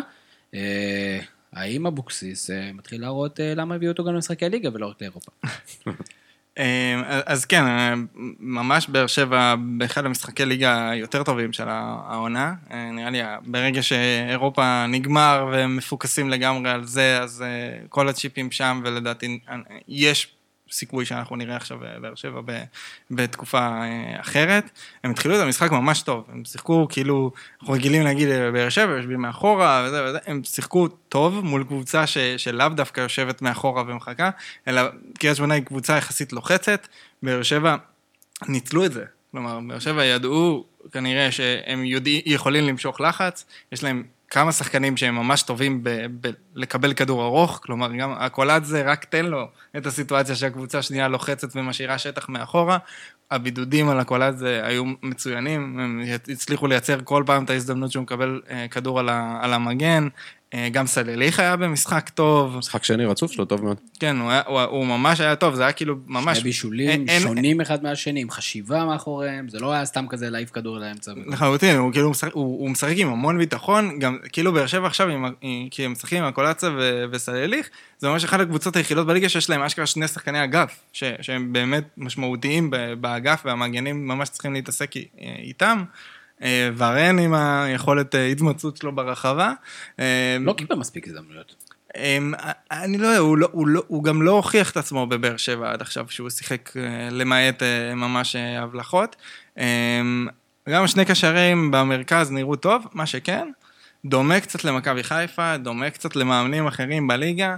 ברגע שהגיעו לדקה 60 ו- והיה שם את הגול של, של קריית שמונה, אבוקסיס עבר למוד, טוב, אני חותם את המשחק הזה, הכניס עוד בלם, ירד אחורה, נתן לקריית שמונה. כל המשחק באר שבע שלטה, הייתה יותר בשליטה על המשחק, באיזשהו שלב פשוט עשו סוויץ', הכניסו עוד בלם, ויתרו על הכדור, נכנסו למוד אירופה, וזה לאו דווקא היה דבר נכון לעשות. כלומר, כאילו, אם אתה נותן לקבוצה כמו קריית שמונה, שכן יש לה איכות מקדימה, את הכדור ולקחת את היוזמה.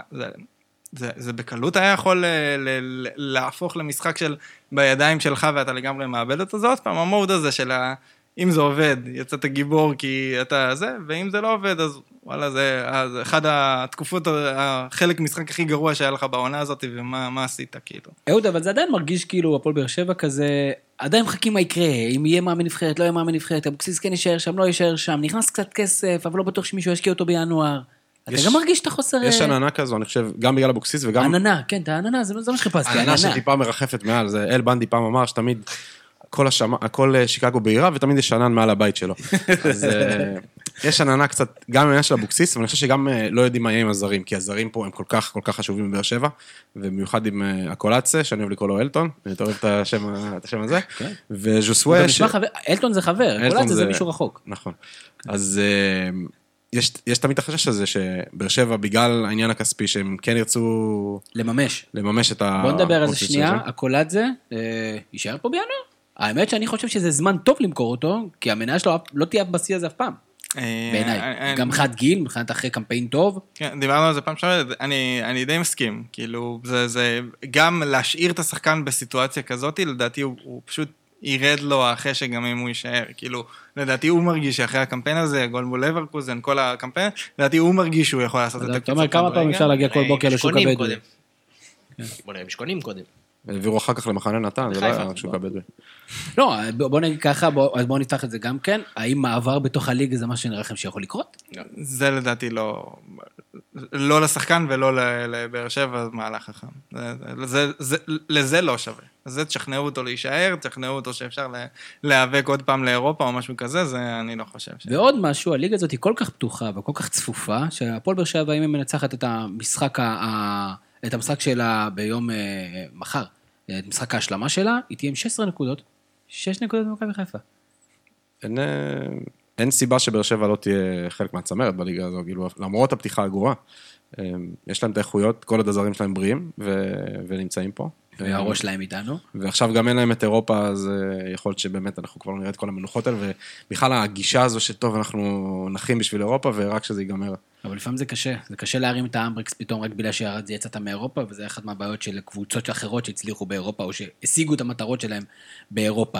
קריית שמונה קצת אה, חוזרת לגודלה הטבעי, אה, יכול להיות שהגרלה בהתחלה, דיברנו על זה גם, שהגרלה בהתחלה עשתה להם טוב, עדיין יש להם מספיק בילדין בלוקס, כמו שנקרא, כדי להיות קבוצת צמרת. מה המקום הטבעי של קריית שמונה, ומתי קובי רפואה ירגע? אה, אני חושב, כן, בדיוק מה שאמרת, דיברנו על זה שהלוח משחקים בהתחלה היה לטובתם. אה, אני חושב שהם יהיו במאבק על הפלייאוף העליון עד סוף העונה. ושימשיכו לשחק כדורגל אה, טוב, חיובי, זה חשוב מאוד. עוד משחק כדורגל טוב וחיובי, היה מכבי פתח תקווה נגד אה, מכבי נתניה, כמובן לעיני אה, קהל מלא באיצטדיון רמת גן. דרך אגב, ברק, אתה יודע למה זה המשחק שוחק באיצטדיון רמת גן? אני לא ידעתי שיש אצטדיון רמת גן. כי. נפתח הקניון. אז אפשר היה, וזה קרוב סתם, היה שזרוע, בדקנו את הסיפור הזה, היה שזרוע בנתניה, ומכבי נתניה משיגה ניצחון נגד הציפיות, נגד מכבי פתח תקווה, ו- וגם כן אה, כובשת, אחרי איזה 350 דקות בלי שערים. אה, אודי, אתה חובב מכבי נתניה ידוע, ותספר לנו מה אתה ראית במשחק הזה. אמ, האמת, לא היה משחק גדול שלהם, במיוחד מחצית שנייה... היו גולים. היו גולים, זה, נכון, היו גולים, שאחד מהם עם פנדל, אה, שם שמלאדה היה שם, שאני חושב שהוא התעופף באוויר ממש לקראת סוף המחצית. רייטר לדעתי. אבל- אז פייטר זה היה? היה פייטר? כן, אני יודע, כי לא קיבלתי נקודות על זה, ודיניס, אני חושב שהכשיל אותו, ו... כן, דיני. אה, מלאדה כבש את הפנדל. כן. נכון. אמ, מחצית שנייה, אנחנו, הם- אנחנו דיברנו קודם על קבוצות שהולכות אחורה, הם הלכו המון אחורה, ובסופו של דבר הם ניצחו, אחרי שמכבי פתח תקווה ישבו, עם כדור של עזרא שפגע שם, ב... פגע שם. אני לא זוכר בדיוק באיזה כן, פגע, מישהו ועשה קשת. גול כזה, זה אחת מההתקפות הבודדות שלהם במשחק. שוב, הם קבוצה, הם, ה- אני חושב שהשטיק הזה שלה, אה, כאילו לא שטיק, זה הדרך, דרך כדורגל שלהם להניע את הכדור מאחורה ו... והכל, ולבנות את ההתקפה ככה, אה, קצת צפויה. אה, בקיצור, הם ניצחו ויש לך רק דברים רעים להגיד עליהם, זה זה השורה התחתונה. אני לא חושב שזה המשחק שאתה כמו אומר, כל טוב, שבוע שאתה מסתכל את מכבי אני לא. חושב שזה המשחק שאנחנו יוצאים לדרך חדשה ואנחנו הולכים עכשיו אה, לרוץ חזק קדימה, למרות שהם מיקום טוב. אה, לא היה סופר מרשים לדעתי, אפילו בגלל שלושה, אפילו עם שלושה שערים. אני חושב שהוא התייחס לזה, אה, הבעלים, אייל סגל התייחס לזה באיזה פוסט בקבוצת, ה- בקבוצת האוהדים שלהם, שאמר שדווקא במשחקים שהיו יותר טובים הם הפסידו, ודווקא במשחק הזה הם ניצחו.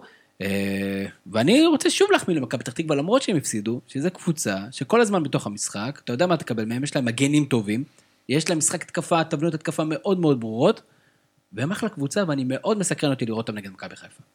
ואדם, אתה אוהד הפועל פתח תקווה, אני צריך אמרתי לדבר כבר עליהם. בפודים קודמים שאני בעדם. אחלה כוח אני הקבוצה שנה. נגד, שב- בשבת אני בהחלט באדם. מה- לעשות? אל תתבאס, אדם, אתה צריך לדבר כאן אתם מקצועית, אין מה צריכים- לעשות. אתם ב- אפשר להיות אה, חוסר אובייקטיבי כל- פה. לא, לא, לא, יורדים ליגה, מה לעשות?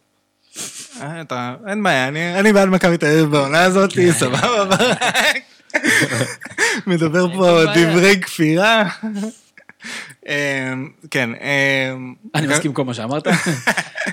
אה, אני חושב שדווקא זה היה אחד המשחקים שנראו שמכבי פתח תקווה הכי יודעים מה הם רוצים לעשות. אה, אה, דווקא היה להם כמה משחקים שהם שיחקו נגד חדרה נגיד וזה, הם שיחקו דווקא פחות טוב. ועכשיו היה נראה דווקא שזה, ממש, קודם כל ליאל עבדה ממש ממש ממש משתפר, כלומר... הוא, הוא הבין את, את היתרונות שלו, והמשחק שלו לשטח הוא פשוט משהו שאין בליגה, באמת, כאילו היכולת שלו לקבל כדור מעבר לקו הגנה לעומק, זה משהו שלא נראה לי שיש עוד שחקן בליגה שהוא באיכות הזאתי, וזה כלי כל כך יעיל בליגת העל, וזה גם יהיה מעניין נגד מכבי חיפה, ו, וראינו את זה כבר נגד בית"ר ונגד מכבי תל אביב, הוא פשוט מעולה במיקום הזה, ולקבל כדור במהירות ולעשות את המהלך החד הזה, אמ, וגול עם טאץ' מדהים, אמ, גם עליו אפשר לשאול כבר את השאלה על האם הוא יהיה פה בינואר לדעתי. אם יש מישהו שבטוח לא יעבור בתוך הליגה, כן, זה ליאל עבדה. דרך אגב, יש הרבה השוואות למנור סולומון, שחקנים שונים לגמרי. שונים לחלוטין. זה לא, זה ממש לא אותו שחקן, אבל מה שכן, מכבי פתח תקווה במשחק הזה, במיוחד עם איך שנתניה משחקת, הם ממש שיחקו יפה על זה. כלומר, היתרון של עבדה, עם המהירות שלו, מול הקו הגנה, מול זה שנתניה אוהבת להניע מאחורה ואוהבת ללחוץ ולעמוד גבוה, הם כל הזמן שיחקו לעומק. ראינו שם את עמוס מתעופף ביציאות כאלה של נוייר, כי בכל התקפה שנייה של מכבי פתח תקווה, כי הם עמדו מאוד גבוה ומכבי פתח תקווה כל הזמן שיחקו לעומק. אה, עמוס עשה עם זה עבודה מצוינת, חוץ, כאילו, בגול לא לגמרי היה לו אה, מה, מה לעשות. אה, וגם קצת היה חסר להם חלוץ, טי בריבו קצת נכנס לעניינים, באמת מכבי פתח תקווה נראה שהם קצת מקבלים כיוון, הם כאילו, היה להם כמה משחקים כאלה של משחקים שהם שיחקו קצת פחות טוב, אבל כאילו עשו את התוצאה, עכשיו הם צריכים לבנות על זה את, ה, את, ה, את המומנטום, אה, ויהיה באמת מאוד מעניין לראות אותם. פלייאוף עליון. לא? לגמרי במאבק. החיסרון כרגע של מכבי פתח תקווה זה התרומה של הזרים. זה, וזה יהיה מעניין אם הם ינסו לעשות איזה החלפה ב, בינואר, ואם הם פשוט ימכרו... יעלו שחקן שתיים מהנוער. זה- זה- זה מה שעושים שם וזה עובד בדרך כלל. שתי נקודות על אשדוד כפר סבא? אה, א', אה, החלק של ישראל קטורזה בניצחון. איזה חלק? רן בן שמעון סיפר שאחרי המשחק נגד מכבי תל אביב, הוא שלח לו איזה ברכה, והוא סיפר שהוא אמר לו, אה, אה, רן בן שמעון מספר על איך ישראל קטורזה זיקק את מה שרן בן שמעון רצה להגיד לשחקנים שלו. יש דברים שעדיף לא להגיד. זה היה אחד הרעיונות המעניינים שהיו של רן בן שמעון. הוא סיפר על זה שהוא אמר לו, אה, מול מכבי תל אביב זה לא חוכמה, אתם צריכים לראות איך אתם באים למשחק הבא, הכי קלישאה בעולם, אבל הוא החליט לשתף את זה. כאילו באשדוד, שזה עיר של 250 אלף איש, כאילו יש שם שלושה אנשים, נכון? ממש ככה. ז'וז'ו אבוטבול? אבוטבול, קטורזה וכאילו עוד מישהו. ויוחאי. שגר בגדרה בכלל. אה, אז- כן, מה הנקודה השנייה שלנו? הם מבקיעים גולים יפים. הם באמת מבקיעים גולים. יפים. אשדוד, הם אחלה קבוצה. כל גול שלהם ממש שווה ללכת לראות, להסתכל, מהלכי כדורגל ממש ממש יפים. מקום שלישי בליגה, תיקו אתם לא תראו שם. שישה ניצחונות, ארבעה הפסדים. ארבעה ניצחונות, לא חמישה. משחקים אחרונים. אה, כן, כולל אה, כמה ניצחונות, וגם את המשחק שהם הפסידו, נראה לי, נגד מכבי חיפה, זה היה המשחק שהם הפסידו? לא. או זה היה לפני? לא, לא, נגד סכנין. נכון, נגד סכנין, אה, זה מחזור אמצע שבוע כזה שאפשר. אה, חדרה בני יהודה, בנקודה וחצי. כן, אז אה, ל- לקלופ, זה קשור לפינת לחץ של שבוע שעבר, קלופ אה, אמר שה Gegenpressing והלחץ מבחינתו זה ה playmaker הכי טוב שיש לקבוצה שלו, אז אין ספק שבמשחק הזה ההגנה של בני יהודה הייתה ה playmaker הכי טוב של חדרה. זה הזכיר לי את המשחק שלהם מול קריית שמונה, שהם כן. פשוט שם היה פשוט, מערב פרוע. יש שם בטים על המשחקים האלה? אתה חושב ברמה יותר גבוהה? זה, זה באמת הזכיר הגנות של, של אבל- לאומית אבל אבל ומטה. באמת, מה אנחנו יכולים, איך אפשר... קבוצה? בדרך למאמן קבוצה בלי רביעי. מאמנים, כן. עם כזה זה- התערבות מאוד גדולה. זיו לדעתי כתב על זה בטוויטר, זה ממש כאילו, אה, אתה אומר, וואלה, מגיע להם. אם מתנהלים ככה, אם בעלים מתנהגים ככה... יכול להגיד על 80% מהקבוצות בליגה. שמע, ושובל גוזלן לא הבקיע גול, לדעתי, שנה ומשהו בליגה, והצמד האחרון שלו, עוד מלפני הגלות הקפריסאית שלו, ב-2017, שהוא שיחק בקריית שמונה.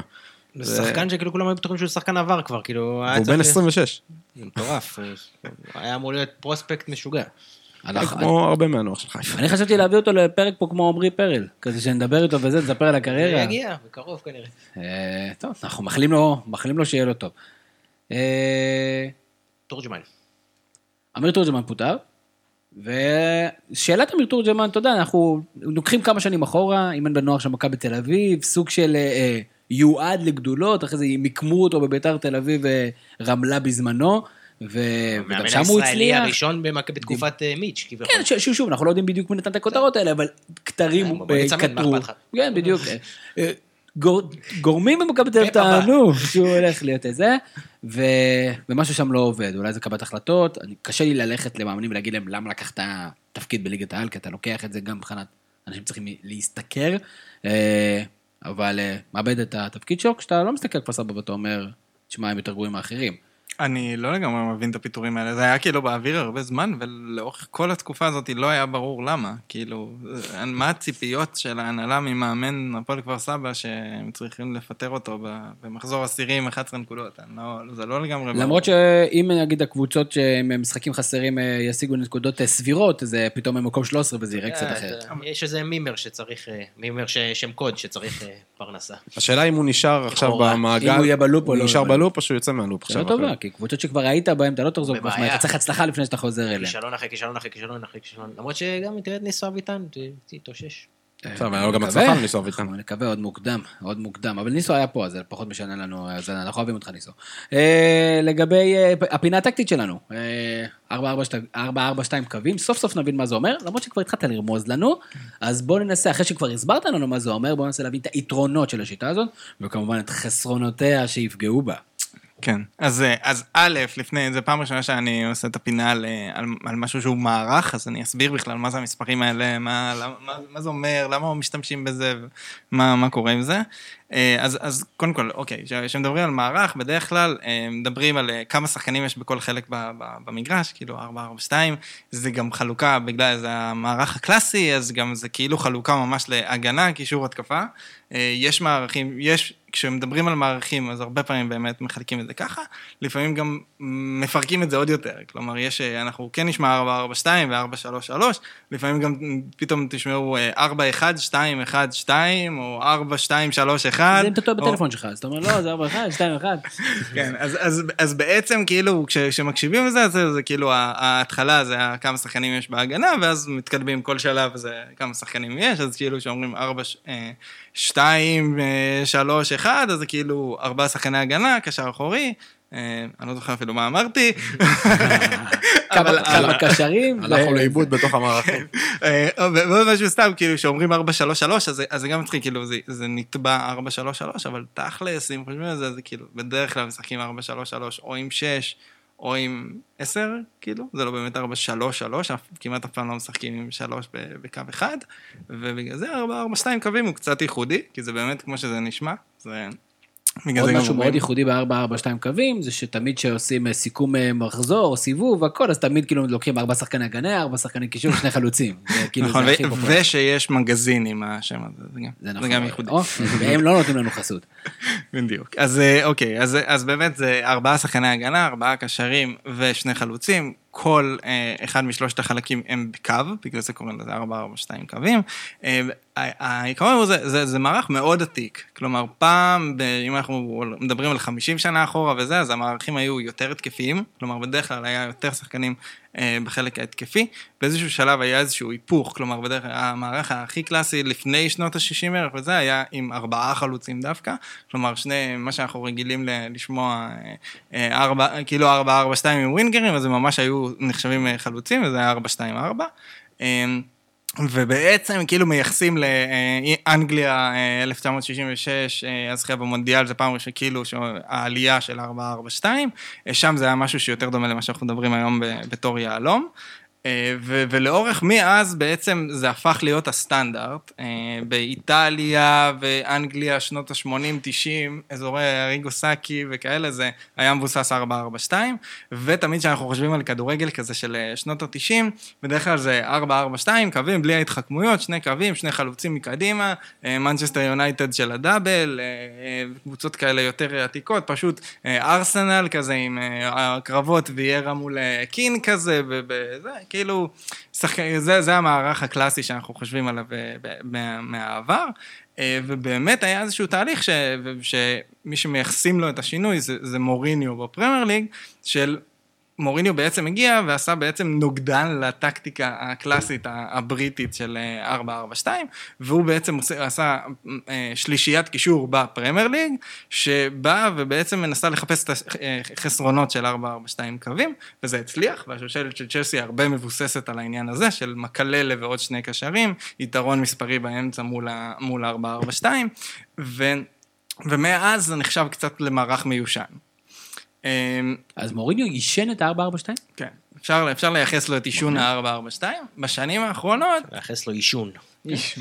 בשנים האחרונות יש איזשהו רנסאנס למערך. איפה אנחנו רואים את זה? אז הראשונה שעשתה, לא, אפשר, שתי קבוצות שאפשר לייחס להן הצלחות שהן חריגות מאוד, זה א', האליפות של לסטר הייתה עם 442, ושתיים, אתלטיקו מדריד צימאון, אה, אה, הגעה לשני גמרים בליגת האלופות, האליפות.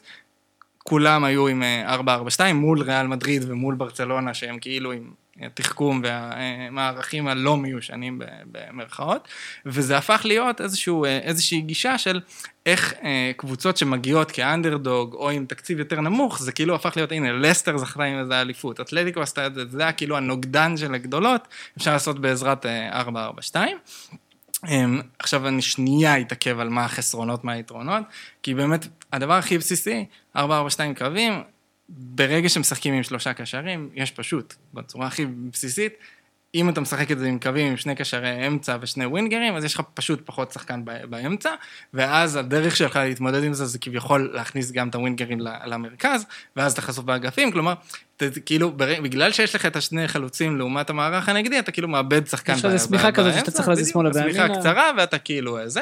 מצד שני, עצם זה שיש אה, אה, שני חלוצים, זה מאוד מאוד יעיל בכדורים ארוכים ובמערכים של התקפות מתפרצות, כי בעצם יש לך שני שחקנים שאתה יכול ישר להתחיל איתם את ההתקפה, שאין להם, ברגע שאתה יושב נמוך, אין להם בכלל תפקיד, כביכול אין להם תפקיד הגנתי, ואז בעצם אתה יכול לזרוק עליהם כדורים בתחילת ההתקפה, נגיד דייגו קוסטה הוא חלוץ סופר קלאסי המערך, כי הוא לא מוביל, הוא לאו דווקא מוביל כדור בהתקפה מתפרצת, אבל הוא מעולה בלזכות בכדור הראשון להוריד את זה לשחקן שלידו. אז נגיד שילוב כזה של דייגו קוסטו וגריזמן זה קלאסי, כי הוא מוריד כדור, הוא מוביל כדור מצוין, שני חלוצים שהם משלימים אחד את השני בדיוק ל...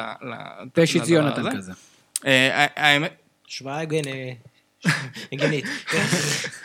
אמ, ובעצם אמ, אז, אז זה היתרון שלו בעצם, ו, וגם בגלל, כאילו, למה זה חזר גם, עוד סיבה לזה שזה חזר, כל הנושא, תכלס, ב-15 שנה האחרונות, אה, רוב הקווי ההגנה היו רגילים להתמודד עם חלוץ בודד, ואז כאילו זה הפך להיות, מה שהפעם היה מיושן, היום בלמים שהם הפכו להיות חלק מאוד משמעותי במשחק התקפה, כאילו אה, בלמים כאלה שהם יותר מודרניים, טובים עם הכדור, אה, ג'ון סטונס כאלה, עוד פעם, עופרי ארד בישראל, פתאום הם צריכים להתמודד מול שני שחקנים, זה, זה, זה, זה לא מה שהם רגילים. אז הם לא יכולים להתחיל את ההתקפה מאחור, כי יש שני שחקנים או עוד שחקן שלוחץ אותם. השתיים באמצע. כן. מה היה האידיאל? כלומר, הם צריכים להיות שניהם אה, התקפיים, אחד התקפי, אחד הגנתי, איך זה... שנייה חמישי חמישים. אז, אז, אז זהו, שבכללי, בגלל שיש את החיסרון הזה של השני שחקנים שהם עם, עם, אה, עם כאילו בלי תפקיד אה, הגנתי, אז זה נדרש המון משאר השחקנים. כלומר, גם הקשרי אמצע, גם השחקני אגף צריכים להיות גם עם יכולות התקפיות וגם עם אה, אה, יכולות הגנתיות. כי, כי, כי, ובעיקר הקשרים. כלומר, הקשרים הם צריכים להיות גם מאוד מתואמים אחד עם השני, וגם צריך להיות להם שילוב של גם יכולות הגנתיות וגם התקפיות, כי הם בעצם חלק מה... מהזה. אפשר לשחק את זה עם שני קשרים שהם יותר הגנתיים. אה, זה יכול לעבוד, כי אתה יכול, כביכול, נגיד, המערך של מכבי תל אביב מול אה, הפועל חיפה, כביכול היית יכול להגיד, גם גלאזר וגם פרץ זה היה יכול להיות, לא, כי פרץ לא עשה את זה, אבל זה היה אפשר להגיד ששניהם נשארים יותר מאחור, מתעסקים יותר בהגנה, כי אתה רוצה לשחרר את יונתן כהן אה, ואלמוג להתקפה, זו דרך לשחק את זה. עוד דרך לשחק את זה זה באמת עם אחד שהוא יותר התקפי, אחד יותר הגנתי, וזה זה הקלאסי, כאילו, של, של המערכת. אז דרך אגב, אם אנחנו שנייה מקבילים את זה לליגה הישראלית, להרכב של דוניס, מה היה 4-4-2 נכון לשחק באותו משחק, לעשות 4-4-2 נכון, איך אתה היית משבץ את זה בצורה אופטימלית? אה, אני- חושב שספציפית למשחק הזה, איך שהוא התפתח, כאילו, מה שהוא עשה במחצית השנייה, ההתאמה של ה-4-4-2 ליהלום היה דבר מאוד נכון, כי גם הקשרים שלו אה, הם שחקנים שיכולים, יש להם את היכולת להגן באגף, מצד שני אין לו ווינגרים קלאסיים, כלומר, ב-4-4-2 גם השחקני האגף שלך זה שחקנים שאמורים להיות ממש באגף, אין להם מה לחפש באמצע, כי יש שני חלוצים באמצע, וברגע שאתה שם שם שחקנים כמו יונתן כהן, שמאוד אוהב לברוח לאמצע, אז אתה סתם מייצר לך... אה, אה, לא, אה, אבל בסדר. אז זה לגבי זה, אבל אני שואל. מה אתה היית שם, לא מה הוא שם והיה צריך לעשות אולי אחרת. אז, אז אני חושב כי שלעלות... לפי מה שאתה אומר, כביכול שני קשרי אמצע יכולים להיות דור פרץ וגולסה, שיש להם את היכולת להיות- לעלות קדימה וללכת אחורה, ויכולים לשחק בכל התפקידים בקישור.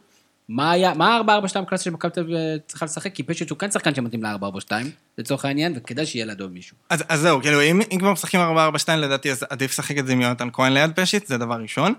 אה, אה, אבל אני בכלל לא כזה חושב שמכבי תל אביב מתאים ל-4-4-2, כי אין לה שני שחקני אגף שבאמת מתאים להם לשחק במערך הזה. כלומר, אם אתה כבר משחק 4-4-2, אתה, לא יודע, אתה צריך לשחק עם ריקן באגף כנראה, ושהוא נכנס לאמצע באיזושהי סיטואציה, או משהו שהוא גמיש. כלומר, אי אפשר לשחק את זה בצורה ה- המקורית שלה, ו- ולא, בלי גמישות, לדעתי, עם השחקנים של... אה. מעניין מאוד, אנחנו נמשיך לעקוב, אני מקווה מאוד שנתחיל לזהות בעצמנו את, את הדברים האלה, ולא רק שהמשחק עומד ואתה אומר, אוקיי, עכשיו אני מזהה את הארבע שורות, את השתי שורות האלה, אני רק במנג'ר מזה. שהוא- בדיוק, ש- כי, כי זה עוצר, ואתה אומר, אני רוצה את זה, וכתוב לך למעלה מה ה formation, ואז זה קל יותר.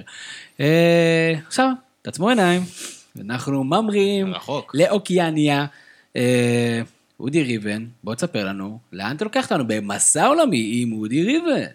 אה, למקום שבו השמש מחייכת גם ביום גשום. אה, סתם, האמת. אה, אנחנו, בגלל שתומר חמד עבר לוולינגטון פיניקס, שזו קבוצה ניו זילנדית בליגה האוסטרלית, נדבר טיפה על הליגה האוסטרלית, ה-A-League, שנקראת גם ה-A-Hyundai ליג, שחייבים להגיד ככה, כמו שמכבי תל אביב וכדורסל תמיד מכניסים את השם של הספונסר. אבל בקיצור, כמה זרקנו היום, כמה פרסומות, כן. הליגה האוסטרלית אה, מתחילה ב-27 לדצמבר. אה, ליגה של 12 קבוצות סך הכל. אה, ליגה קלנדרית בקטע הזה? הם מנסים לעבור לליגה שמשחקת יותר בחורף האוסטרלי ולא בקיץ האוסטרלי. גם הקורונה עזרה להם קצת ככה לדחוף את העונה קדימה. שניים, משהו כמו 26 משחקים בעונה הרגילה, ואז עובר לפלייאוף של 6 קבוצות, אה, שהשתי הראשונות מקבלות מנוחה בסיבוב הראשון, ואז חצי גמר וגמר, די פשוט. אה, האלופה היא סידני פוטבול קלאב, אלופה חמש פעמים, זו הקבוצה שאלסנדרו דל פיירו שיחק בה. שהוא בעצם הכוכב הגדול היחיד שהגיע לאוסטרליה. הם אה, ניסו במשך כמה שנים אה, למתג, לעשות דברים כמו ה-MLS, שבקאם כאילו קצת הרים את הפרופיל שלה, אבל דל פיירו הגיע, דל פיירו עזב אחרי שנתיים, והם לא הצליחו להביא לשם זרים משמעותיים. סך הכל, עד תומר חמד. אה, תומר חמד. שתומר חמד נחשב, אה, הליגה האוסטרלית זה ליגה עם אה, תקרת שכר, כמו MLS, יש המון קווים מקבילים שם, חוץ משחקנים מסוימים שאתה יכול להחריג אותם לתקרת שכר, שחמד לדוגמה הוא אחד כזה. איך? למה? יש לך, מה- יש לך חוק שנקרא designated player, שמותר לך... לא, למה הוא player? הוא לא הוא- צריך לעמוד, כי הוא היה שחקן נבחרת, כאילו, שחקן נבחרת כי הוא? השחקן אה, מהבכירים שנמצאים שם כרגע, שזה רק מראה לך, כאילו, עם כל הכבוד לחמד, שאנחנו מאוד אוהבים אותו והכל, אותו. אבל זה לא ליגה משופעת בכוכבים. אה, השחקנים הכי בכירים שם אה, זה מאט דרבישייר, שמי שזוכר שפעם היה בבלקבורן, ברור. והיה ב... אתמול נזכרתי בו בערגה. שחקני מנג'ר בדרך כלל זוכרים אותו יותר טוב, הוא עבר באולימפיאקוס בעונות האחרונות, היה באומוניה ניקוסיה, לא כוכבים גדולים. אה, השחקן הכי טוב בליגה האוסטרלית זה אלסנדרו דיאמנטיני. אה, מי שזוכר אותו, הוא הבקיע את הפנדל שניצח אה, את אנגליה עם איטליה ביורו 2012. אה, דיאמנטי, סליחה, לא דיאמנטיני. כן, הוספתי שם דימנטיני זה לא זה איזה שמשחק בחדרה? זה מרמנטיני. שקבע זה- שער נחמד. חשבתי שאתה מנסה להטריל אותי. כן, דיאמנטי, והשחקן שזכה, ועוד שחקן נורא טוב זה יוליסיס דווילה, שהוא יהיה הפרטנר של חמד בחוד, שחקן מקסיקני, שהתחיל את הקריירה שלו בצ'לסי, והתגלגל, התגלגל עד לאוסטרליה, ששם השחקנים הכי, הכי בכירים זה כל מיני חבר'ה שנשרו מאספניול. עכשיו, אני רואה שיש בליגה 12 קבוצות, אה, רק קבוצה אחת אה, מניו זילנד? רק קבוצה אחת. מניו זילנד. איך זה אמור לעבוד? אין ליגה ניו זילנדית כאילו? מה, החריגו את עצמם? איך זה עובד? לא, לא בחירה מספיק. אה, כמו שאין... יש שם שלוש קבוצות מסידני, שלוש קבוצות ממלבורן, וכל השאר מתחלק, בריסבן, קצת פרף, אדלייד, אולי... אולי עוד איזה כמה מקומות נידחים, בוס- אה, ניוקאסל, בריסבן. שיש לי, גם ניוקאסל ב... נכון, הייתי שם. כלבי דינגו, אכלו אותם שם. כן. אבל זה, ליגה שלא מצליחה להמריא, גם ב, אה, בפן היבשתי, שמשתתפים באליפויות האסייתיות של ליגת האלופות שם, הם לא מצליחים להשתלט שם, הם לא מתמודדים עם הכסף הסיני, הם לא מצליחים להתמודד עם הכסף הסיני והיפני, יש שם זכייה אחת בנפרד של קבוצה, קבוצה אוסטרלית אה, בליגת האלופות האסייתית. אה, בקיצור, חמד מגיע לליגה שמצפים ממנו להיות שחקן מאוד מאוד דומיננטי שם, והוא לא הבקיע הרבה גולים לאחרונה. מצחיק אותי שאמרת לא מצליחה להמריא, ואני רק חשבתי על כמה טיסות יש להם. כאילו, כי היה כל מרחקים מטורפים. כן. בחייאת אודי. מכבי חיפה, מה היא עושה בליגה הזאת? אני לא מכיר את הקבוצות שמספיק טוב, אבל יש מצב, אני חושב תגיד לי שאנחנו לוקחים אליפות לפחות שם. יכול להיות שפיזית יהיה לנו קשה, זה, יש ליגות, מי שרואה MLS, זה לא ליגה עם, עם רמה טכנית מאוד גבוהה, חוץ מפה ושם זרים ארגנטינאים או מקסיקנים, אבל זה ליגות מאוד, אינטנס- מליגה פיזית מאוד מאוד, שיכול להיות שקבוצות ישראליות, התפרקו. יש יש סיכוי לא שזה יאמן. יהיה כאילו כמו הליגה האוסטרית באירופה, כלומר שישראלים עכשיו ילכו שם, יהיו מלכי שערים ואז יעברו לליגה הסינית, זה כזה גייטווי כזה? לא בטוח, זה לא ליגה עם המון המון גולים. הם גם מקדימים אותנו בשעות, יכול להיות שהם ישימו גולים לפני כאילו, ולפני המשחקים? לא? מה? לא הבנת רגע? הפרשי שעות. לא משנה. אה, מעניין מאוד, קודם כל מאחלים לו בהצלחה, מקווים מאוד ש... אוהבים את תומר חמד. זה, כן, אתה יודע, זה אנשים מה? שעשו קריירה. אני אמרתי, כן, אתה יודע, זה כאילו... כיף. שיש שחקנים. לא, לא, לא, לחלוטין לא סקפטי. אני חושב שהוא גם עשה שירות יפה לנבחרת ישראל. אה, כן, בואו בוא נמשיך את המסע שלנו לקצת יותר מיינסטרים, ליגת האלופות. ליגת האלופות. אה, בואו נתרכז באולי שניים, שלושה משחקים הפיקנטיים, כי ההגרלה הייתה כזאת, כאילו כדורים חמים כזה, נכון? כן, אנשים לא קיבלו את ה... לא ציפו לסופר מפגשים כאלה בשמינית, ולא יצא. אה, מפגש הכי גדול, מבחינת שמות, זה ברצלונה פריס סן ג'רמן, אבל ברצלונה בתקופה הנוכ- הנוכחית היא לא סופר שום דבר. למרות שאתה יודע, דברים, עוד חודשיים יכול להיות שיהיה לנו משהו שונה, אבל סן ג'רמן כרגע, למרות שגם היא מקרטעת בליגה הצרפתית, חייבת להיות פייבוריטית הפעם, ובלי 6-1, עם 6-1, בלי כל, כל יתרון שלה במשחק הראשון, אה, היא צריכה להיות פייבוריטית לעבור שם. אה, משחק אחר שמעניין זה ליברפול לייפציג, שאם ליברפול הייתה בריאה, אולי היינו מסתכלים על זה כמשחק שעם אה, פייבוריטית ואנדרדוג מאוד ברורים, אבל בהתחשב במצב, אני חושב שזה יכול להיות אחד המפגשים המאוד מרתקים, גם בגלל כל הקרב הזה של אה, קלופ ונגלזמן, של... אה, היום הרי הטרנד זה מאמנים גרמנים ולחץ גבוה ודברים כאלה, אז יכול להיות שנראה שם... אה, דרך אגב, שני המשחקים האלה, שזה כנראה שני המשחקים הכי מעניינים, אולי הכי פתוחים, אה, לפחות עזוב אותי מהאתלטיקו שלך, אנחנו, אה, הם באותו שעה. זאת אומרת, 16, 16, 16 לפברואר, אותה שעה 10, שני המשחקים האלה צריך לזפזפ, אה, אבל אתלטיקו מדריד צ'לסי משחק בהחלט טוב, אמנם צ'לסי היום מפסידה בפעם השנייה ברציפות וקצת מאבדת גובה, אבל אנחנו, כמו שאמרנו, עוד חודשיים, אני לא איך תדעו, גם כן, אחלה משחק. אה, שיפותיך, אדם? אמ, אה, אני מקווה שהאתלטיקו ימשיכו בכושר הזה, אני, מודה שכרגע מבחינתי האליפות זה ליגה, כי זה, כמו, מה שברק אמר כזה על מכבי חיפה בליגה, זה, לא סיטואציה שתהיה הרבה פעמים, לתפוס את ריאל וברצלונה בסיטואציה כזאת בליגה, אז תכל'ס זאת האליפות שלי, אבל אתלטיקו בנוקאוט סימאוני, זה יכול אה, ללכת תמיד רחוק. יש לי שאלה, תגיד, אה, מי שמנצחת בסביליה דורטמונד היא פשוט זוכה בליגה האירופית, או שזה עדיין בליגת האלופות? תשמע, הליגה האירופית פתוחה מתמיד, כי אנשים לא יודעים מה לעשות שם בלי סביליה. אף אחד לא יודע מה לעשות. עוד משחק שיכול להיות מעניין בעיניי זה אטלנטה ריאל מדריד, שכביכול ריאל מדריד אה, זה, זה סוג המשחקים שהיא בהחלט יכולה להתקשות בהם. זה מאוד תלוי מה המצב באטלנטה, כי למרות שהיא ניצחה במשחק האחרון, כל השמועות אומרות שעל סף פיצוץ שם בין אה, גספרינו לשחקנים שלו, אה, והיא גם פחות טובה ממה שהייתה עונה שעברה. מצד שני, ריאל מדריד, אה, תמיד מדברים על זה, ברגע שהיא עם הגב אל הקיר, זידן תמיד... הוא דיליבר, קשה מאוד להספיד את האיש הזה, גם כשזה לא תמיד נראה הכי טוב. בוא נדבר על מישהו שהלך לעולמו השבוע, האמת היו שתי דמויות משמעותיות. הראשונה, פאולו רוסי, מהתקופה הזאת שרק היית צריך לנצח מונדיאלים, ו- וזה היה מספיק כן, טוב.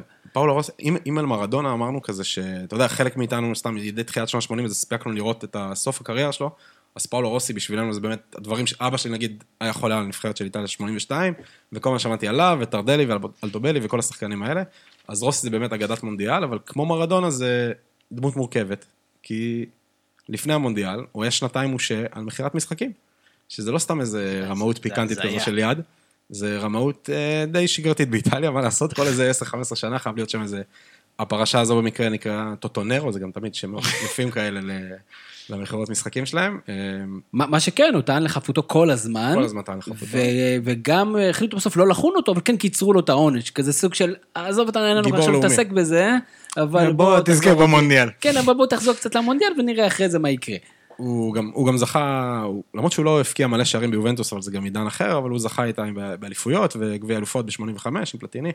אז אה, הוא באמת, הוא באמת אה, אגדה כזו, בעיקר בזכות המונדיאל. וטור מצוין של עופר גולדמן עליו, נכון. ששוטח את אה, סיפורו, וגם כן את המורכבויות, וגם כן את ההצלחה, הוא אולי אחד המשחקים הכי גדולים אי פעם, השלושה נגד נבחרת ברזיל, אותה ברזיל מיתולוגית. ברזילאי מעל גיל מסוים עד היום, תמיד יטענו שזו הנבחרת הכי גדולה שלהם.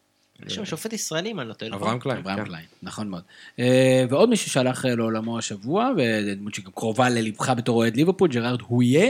אה, בוא תגיד לנו אולי שתי מילים אחרונות על הצרפתי. ז'ראו יהיה, אפשר לשמוע מכל מה שאומרים עליו בימים האחרונים, הוא מאוד מזכיר לי את בובי רובסון. הוא היה מאמן ג'נטלמן, ובמקרה שהוא היה מאמן נורא טוב, אפילו שהאזכור הראשון נראה לי בקשר הישראלי זה...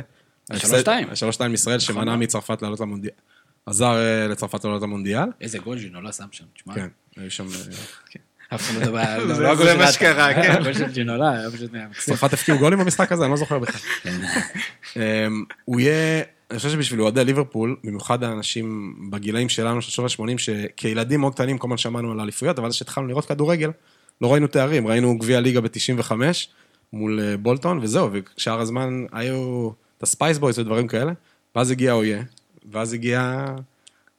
Spice Boys, כן, פאולר, רדנאפ, מקמנמן, כל החבר'ה שעלו עם החליפות. אני- יודע, הייתי צריך להסביר את זה לאדם. החליפות הלבנות שם לגמר ה-FA Cup של 96. אמ, ואז הגיעה עונת אה, 2000-2001.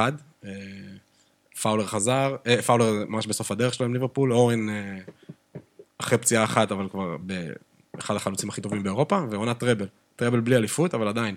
אמ, שזה רק ליברפול של אותם... גמר. גביע, גמר גביע מול ארסנל שחזרה מ-1-0, והגמר המטורף הזה מול אלווס וג'ורדי קרויף, עם ה-5-4 ב- בגביע וופא שעוד נקרא אז.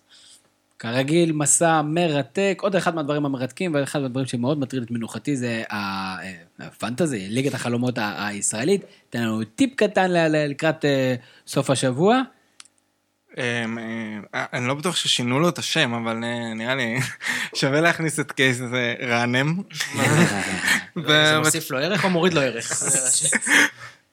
אה, הוא עולה תשע, יש להפועל חיפה אחלה רצף, נראה שהוא בתקופה טובה, רק שימו לב שהוא לא נפצע. יש איזה נטייה לשחקנים שאני ממליץ עליהם להיפצע פתאום, אז אה, רק תבדקו את זה. הוא גם סחב רגל קצת במשחק במכבי תל כן, אביב. היה שם עניין כזה. אה, סכנין גם יש רצף טוב, שווה לשים לב לשחקנים שלהם. אה, בהתקפה אה, חלילה כנראה השחקן שהכי שווה עם 8 מיליון. יש להם שני שחקנים, אה, שחקני הגנה שכרגע משחקים בהרכב, צריך לשים לב אם הם ממשיכים, גם מוחמד דותמן, גם יאזן נאסר, אני חושב שהוגים את השם הזה. שניהם עולים 4, כרגע משחקים בהרכב קבוע. אם יפה. אתם רוצים תקציב נמוך, רצף סביר, אפשר ללכת על זה. ועוד שחקן לדעתי שווה לשים לב, למרות שהרצף פחות טוב, אה, טי בריבו נכנס לעניינים עם מכבי פתח תקווה, יש להם משחקים נגד גדולות, וזה, לדעתי, עם המתפרצות שלהם ועם כמות מצבים שהוא מגיע, עדיין שווה, אולי יכול להיות מישהו שאנשים אחרים לא ייקחו. מעט נראה אם אתה מנחש של זה במסגרת המשחקים. אגב, סכנין, טורונטו ב-NBA בעונה הקרובה, הולך לשחק בטמפה, שזה אלפי קילומטרים שם, אבל סכנין בישראל כן. לא מוצאים להם מקום לשחק את המשחק לא, שלהם. לא, רוצים, הם לא מוכנים, לפי מה שהבנתי. זה, כן. אה, מדינת ישראל ב-2020 זו מדינה מאוד מורכבת, אין בשאר ספק. השנים זה פשוט אה, כיף. לא, שלט פרסומת נהדר. אה, משחקי השבוע, נתחיל ממחזורי אמצע השבוע, עם שלושה רגע, משחקים. רגע, שנייה, רק לפני, מה קרה בכלל חודש שבוע שעבר? אה, מה קרה? מה קרה? מה קרה? מה קרה? מה קרה? זה היה מאמן עוד שבוע? מביש, לא? אדם לקח. הוא ענה... הוא לא נוגע במספרים, הוא? ניצח. לא, הוא לקח, אין- מה- להרחיב. הוא לקח את ה- את המחזור הפנימי בינינו, ארבעה ניחושים נכונים. מה, חמישה יחצו? חמישה והורדתי לו חצי נקודה על זה שהוא אמר שהפועל תל אביב כובשת, נקנס. ארבע וחצי משבע? ואנחנו כל אחד מאיתנו לקח שניים. שניים משבע זה יש את מכבי תל אביב ומכבי חיפה, שזה מה שניחשנו נכון. שגם זה, תכלס, שניהם כמעט איבדנו. וואו, אם הוא לא שורק את הפנדל שם, אתם... אה, מטורף. אוקיי, אה, מחזור שלישי, אה, משחק השלמה מחר, הפועל חדרה, הפועל באר שבע. הפועל באר שבע. שתיים. הפועל באר שבע. תיקו. מכבי תל אביב, מכבי נתניה, מחר, רבע לתשע. משחק, איקס. מכבי תל אביב. איקס. מכבי תל אביב. בית"ר ירושלים, קריית שמונה ביום חמישי, סוף סוף בית"ר ירושלים משחקת, נראה כאילו איזה חודשים לא שיחקו, פוגשים קריית שמונה, אחלה משחק. קריית שמונה. תיקו. אודי גונב את הכל לחושים, קריית שמונה. בית"ר ירושלים. אה, הפועל חיפה, הפועל כפר סבא פותח את יום שבת בשעה שלוש. הפועל חיפה. הפועל כפר סבא, הפועל חיפה? הפועל חיפה, הפועל כפר סבא. אחד. הפועל חיפה. כפר סבא. אני אמרתי הפועל חיפה. אה, באותו יום? בשעה חמש ועשרים, הפועל חדרה, מ"ס אשדוד. חדרה בשני משחקים תוך שלושה ימים, אני לא בטוח שיש לה מספיק שחקנים לעשות את הדבר הזה, ואני אלך עם אשדוד. אשדוד. אשדוד. אשדוד גם. אה, יכלת לעשות אה, זה, למהלך. בני יהודה, מכבי נתניה, רבע לשבע, יום שבת. נתניה. נתניה. איקס. בני יהודה. מכבי פתח תקווה, מכבי חיפה, יום שבת, עשרה לשמונה, אחלה משחק, אני הולך על אחד. שתיים. חיפה. תיקו. קריית שמונה, בני סכנין, נקמן. קריית שמונה, בני סכנין, יום ראשון, שעה שבע. קריית שמונה. תיקו. קאש. קריית שמונה. הפועל תל אביב, הפועל באר שבע, יום ראשון, האם זה יהיה משחק חמישי ברציפות שהפועל תל אביב לא תכבוש בו? אני אומר שהם יכבשו ויפסידו. אתה מקבל על זה חצי נקודה. השאלה אם הם כובשים הוא מקבל עוד חצי. אה, הפועל באר שבע. תיקו או 0-0 או 1-1. אה, הפועל תל אביב. וביום שני, ביתר ירושלים, מכבי תל אביב. נראה כאילו שאין סוף משחקים. אה, יש שם סוף משחקים ב- עד יום שני. מכבי תל אביב. מכבי תל אביב. מכבי תל אביב. תיקו.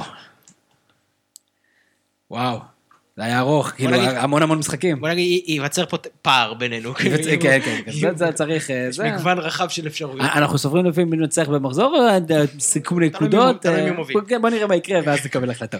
אה, אודי ריבן, מה אנחנו נאחל לך השבוע? שליברפול תנצח את אה, טוטנאם במשחק אה, מאוד מאוד מעניין. בכלל, יש מחר מחזור, אמצע שבוע, לא רק בליגת העל שלנו, גם כן בכלל בכל אירופה, משחקים מעולים. אה, אדם רוזנטל, כרגיל, כיף, הסכמנו לו, תודה רבה, ומה נאחל לך, אחרי שעפתם מהגביע? כן. אה, אה, פשוט ליהנות מהמשחקים. אתה כבר חושב במונחים של האתלטיקו. יפה. אה, ברק אורן כרגיל, תודה רבה על ההפקה, הסדר, ארגון וכל הסיפור הזה, ואת האחלה חולצה של החברה שלך. אה, אני הייתי תמיר זוארץ, שיהיה לכם המשך ערב. נהדר. יש לי פודקאסט, מה זה פודקאסט? זה כמו חדשות. יש לי פודקאסט, מה זה פודקאסט? זה כמו חדשות.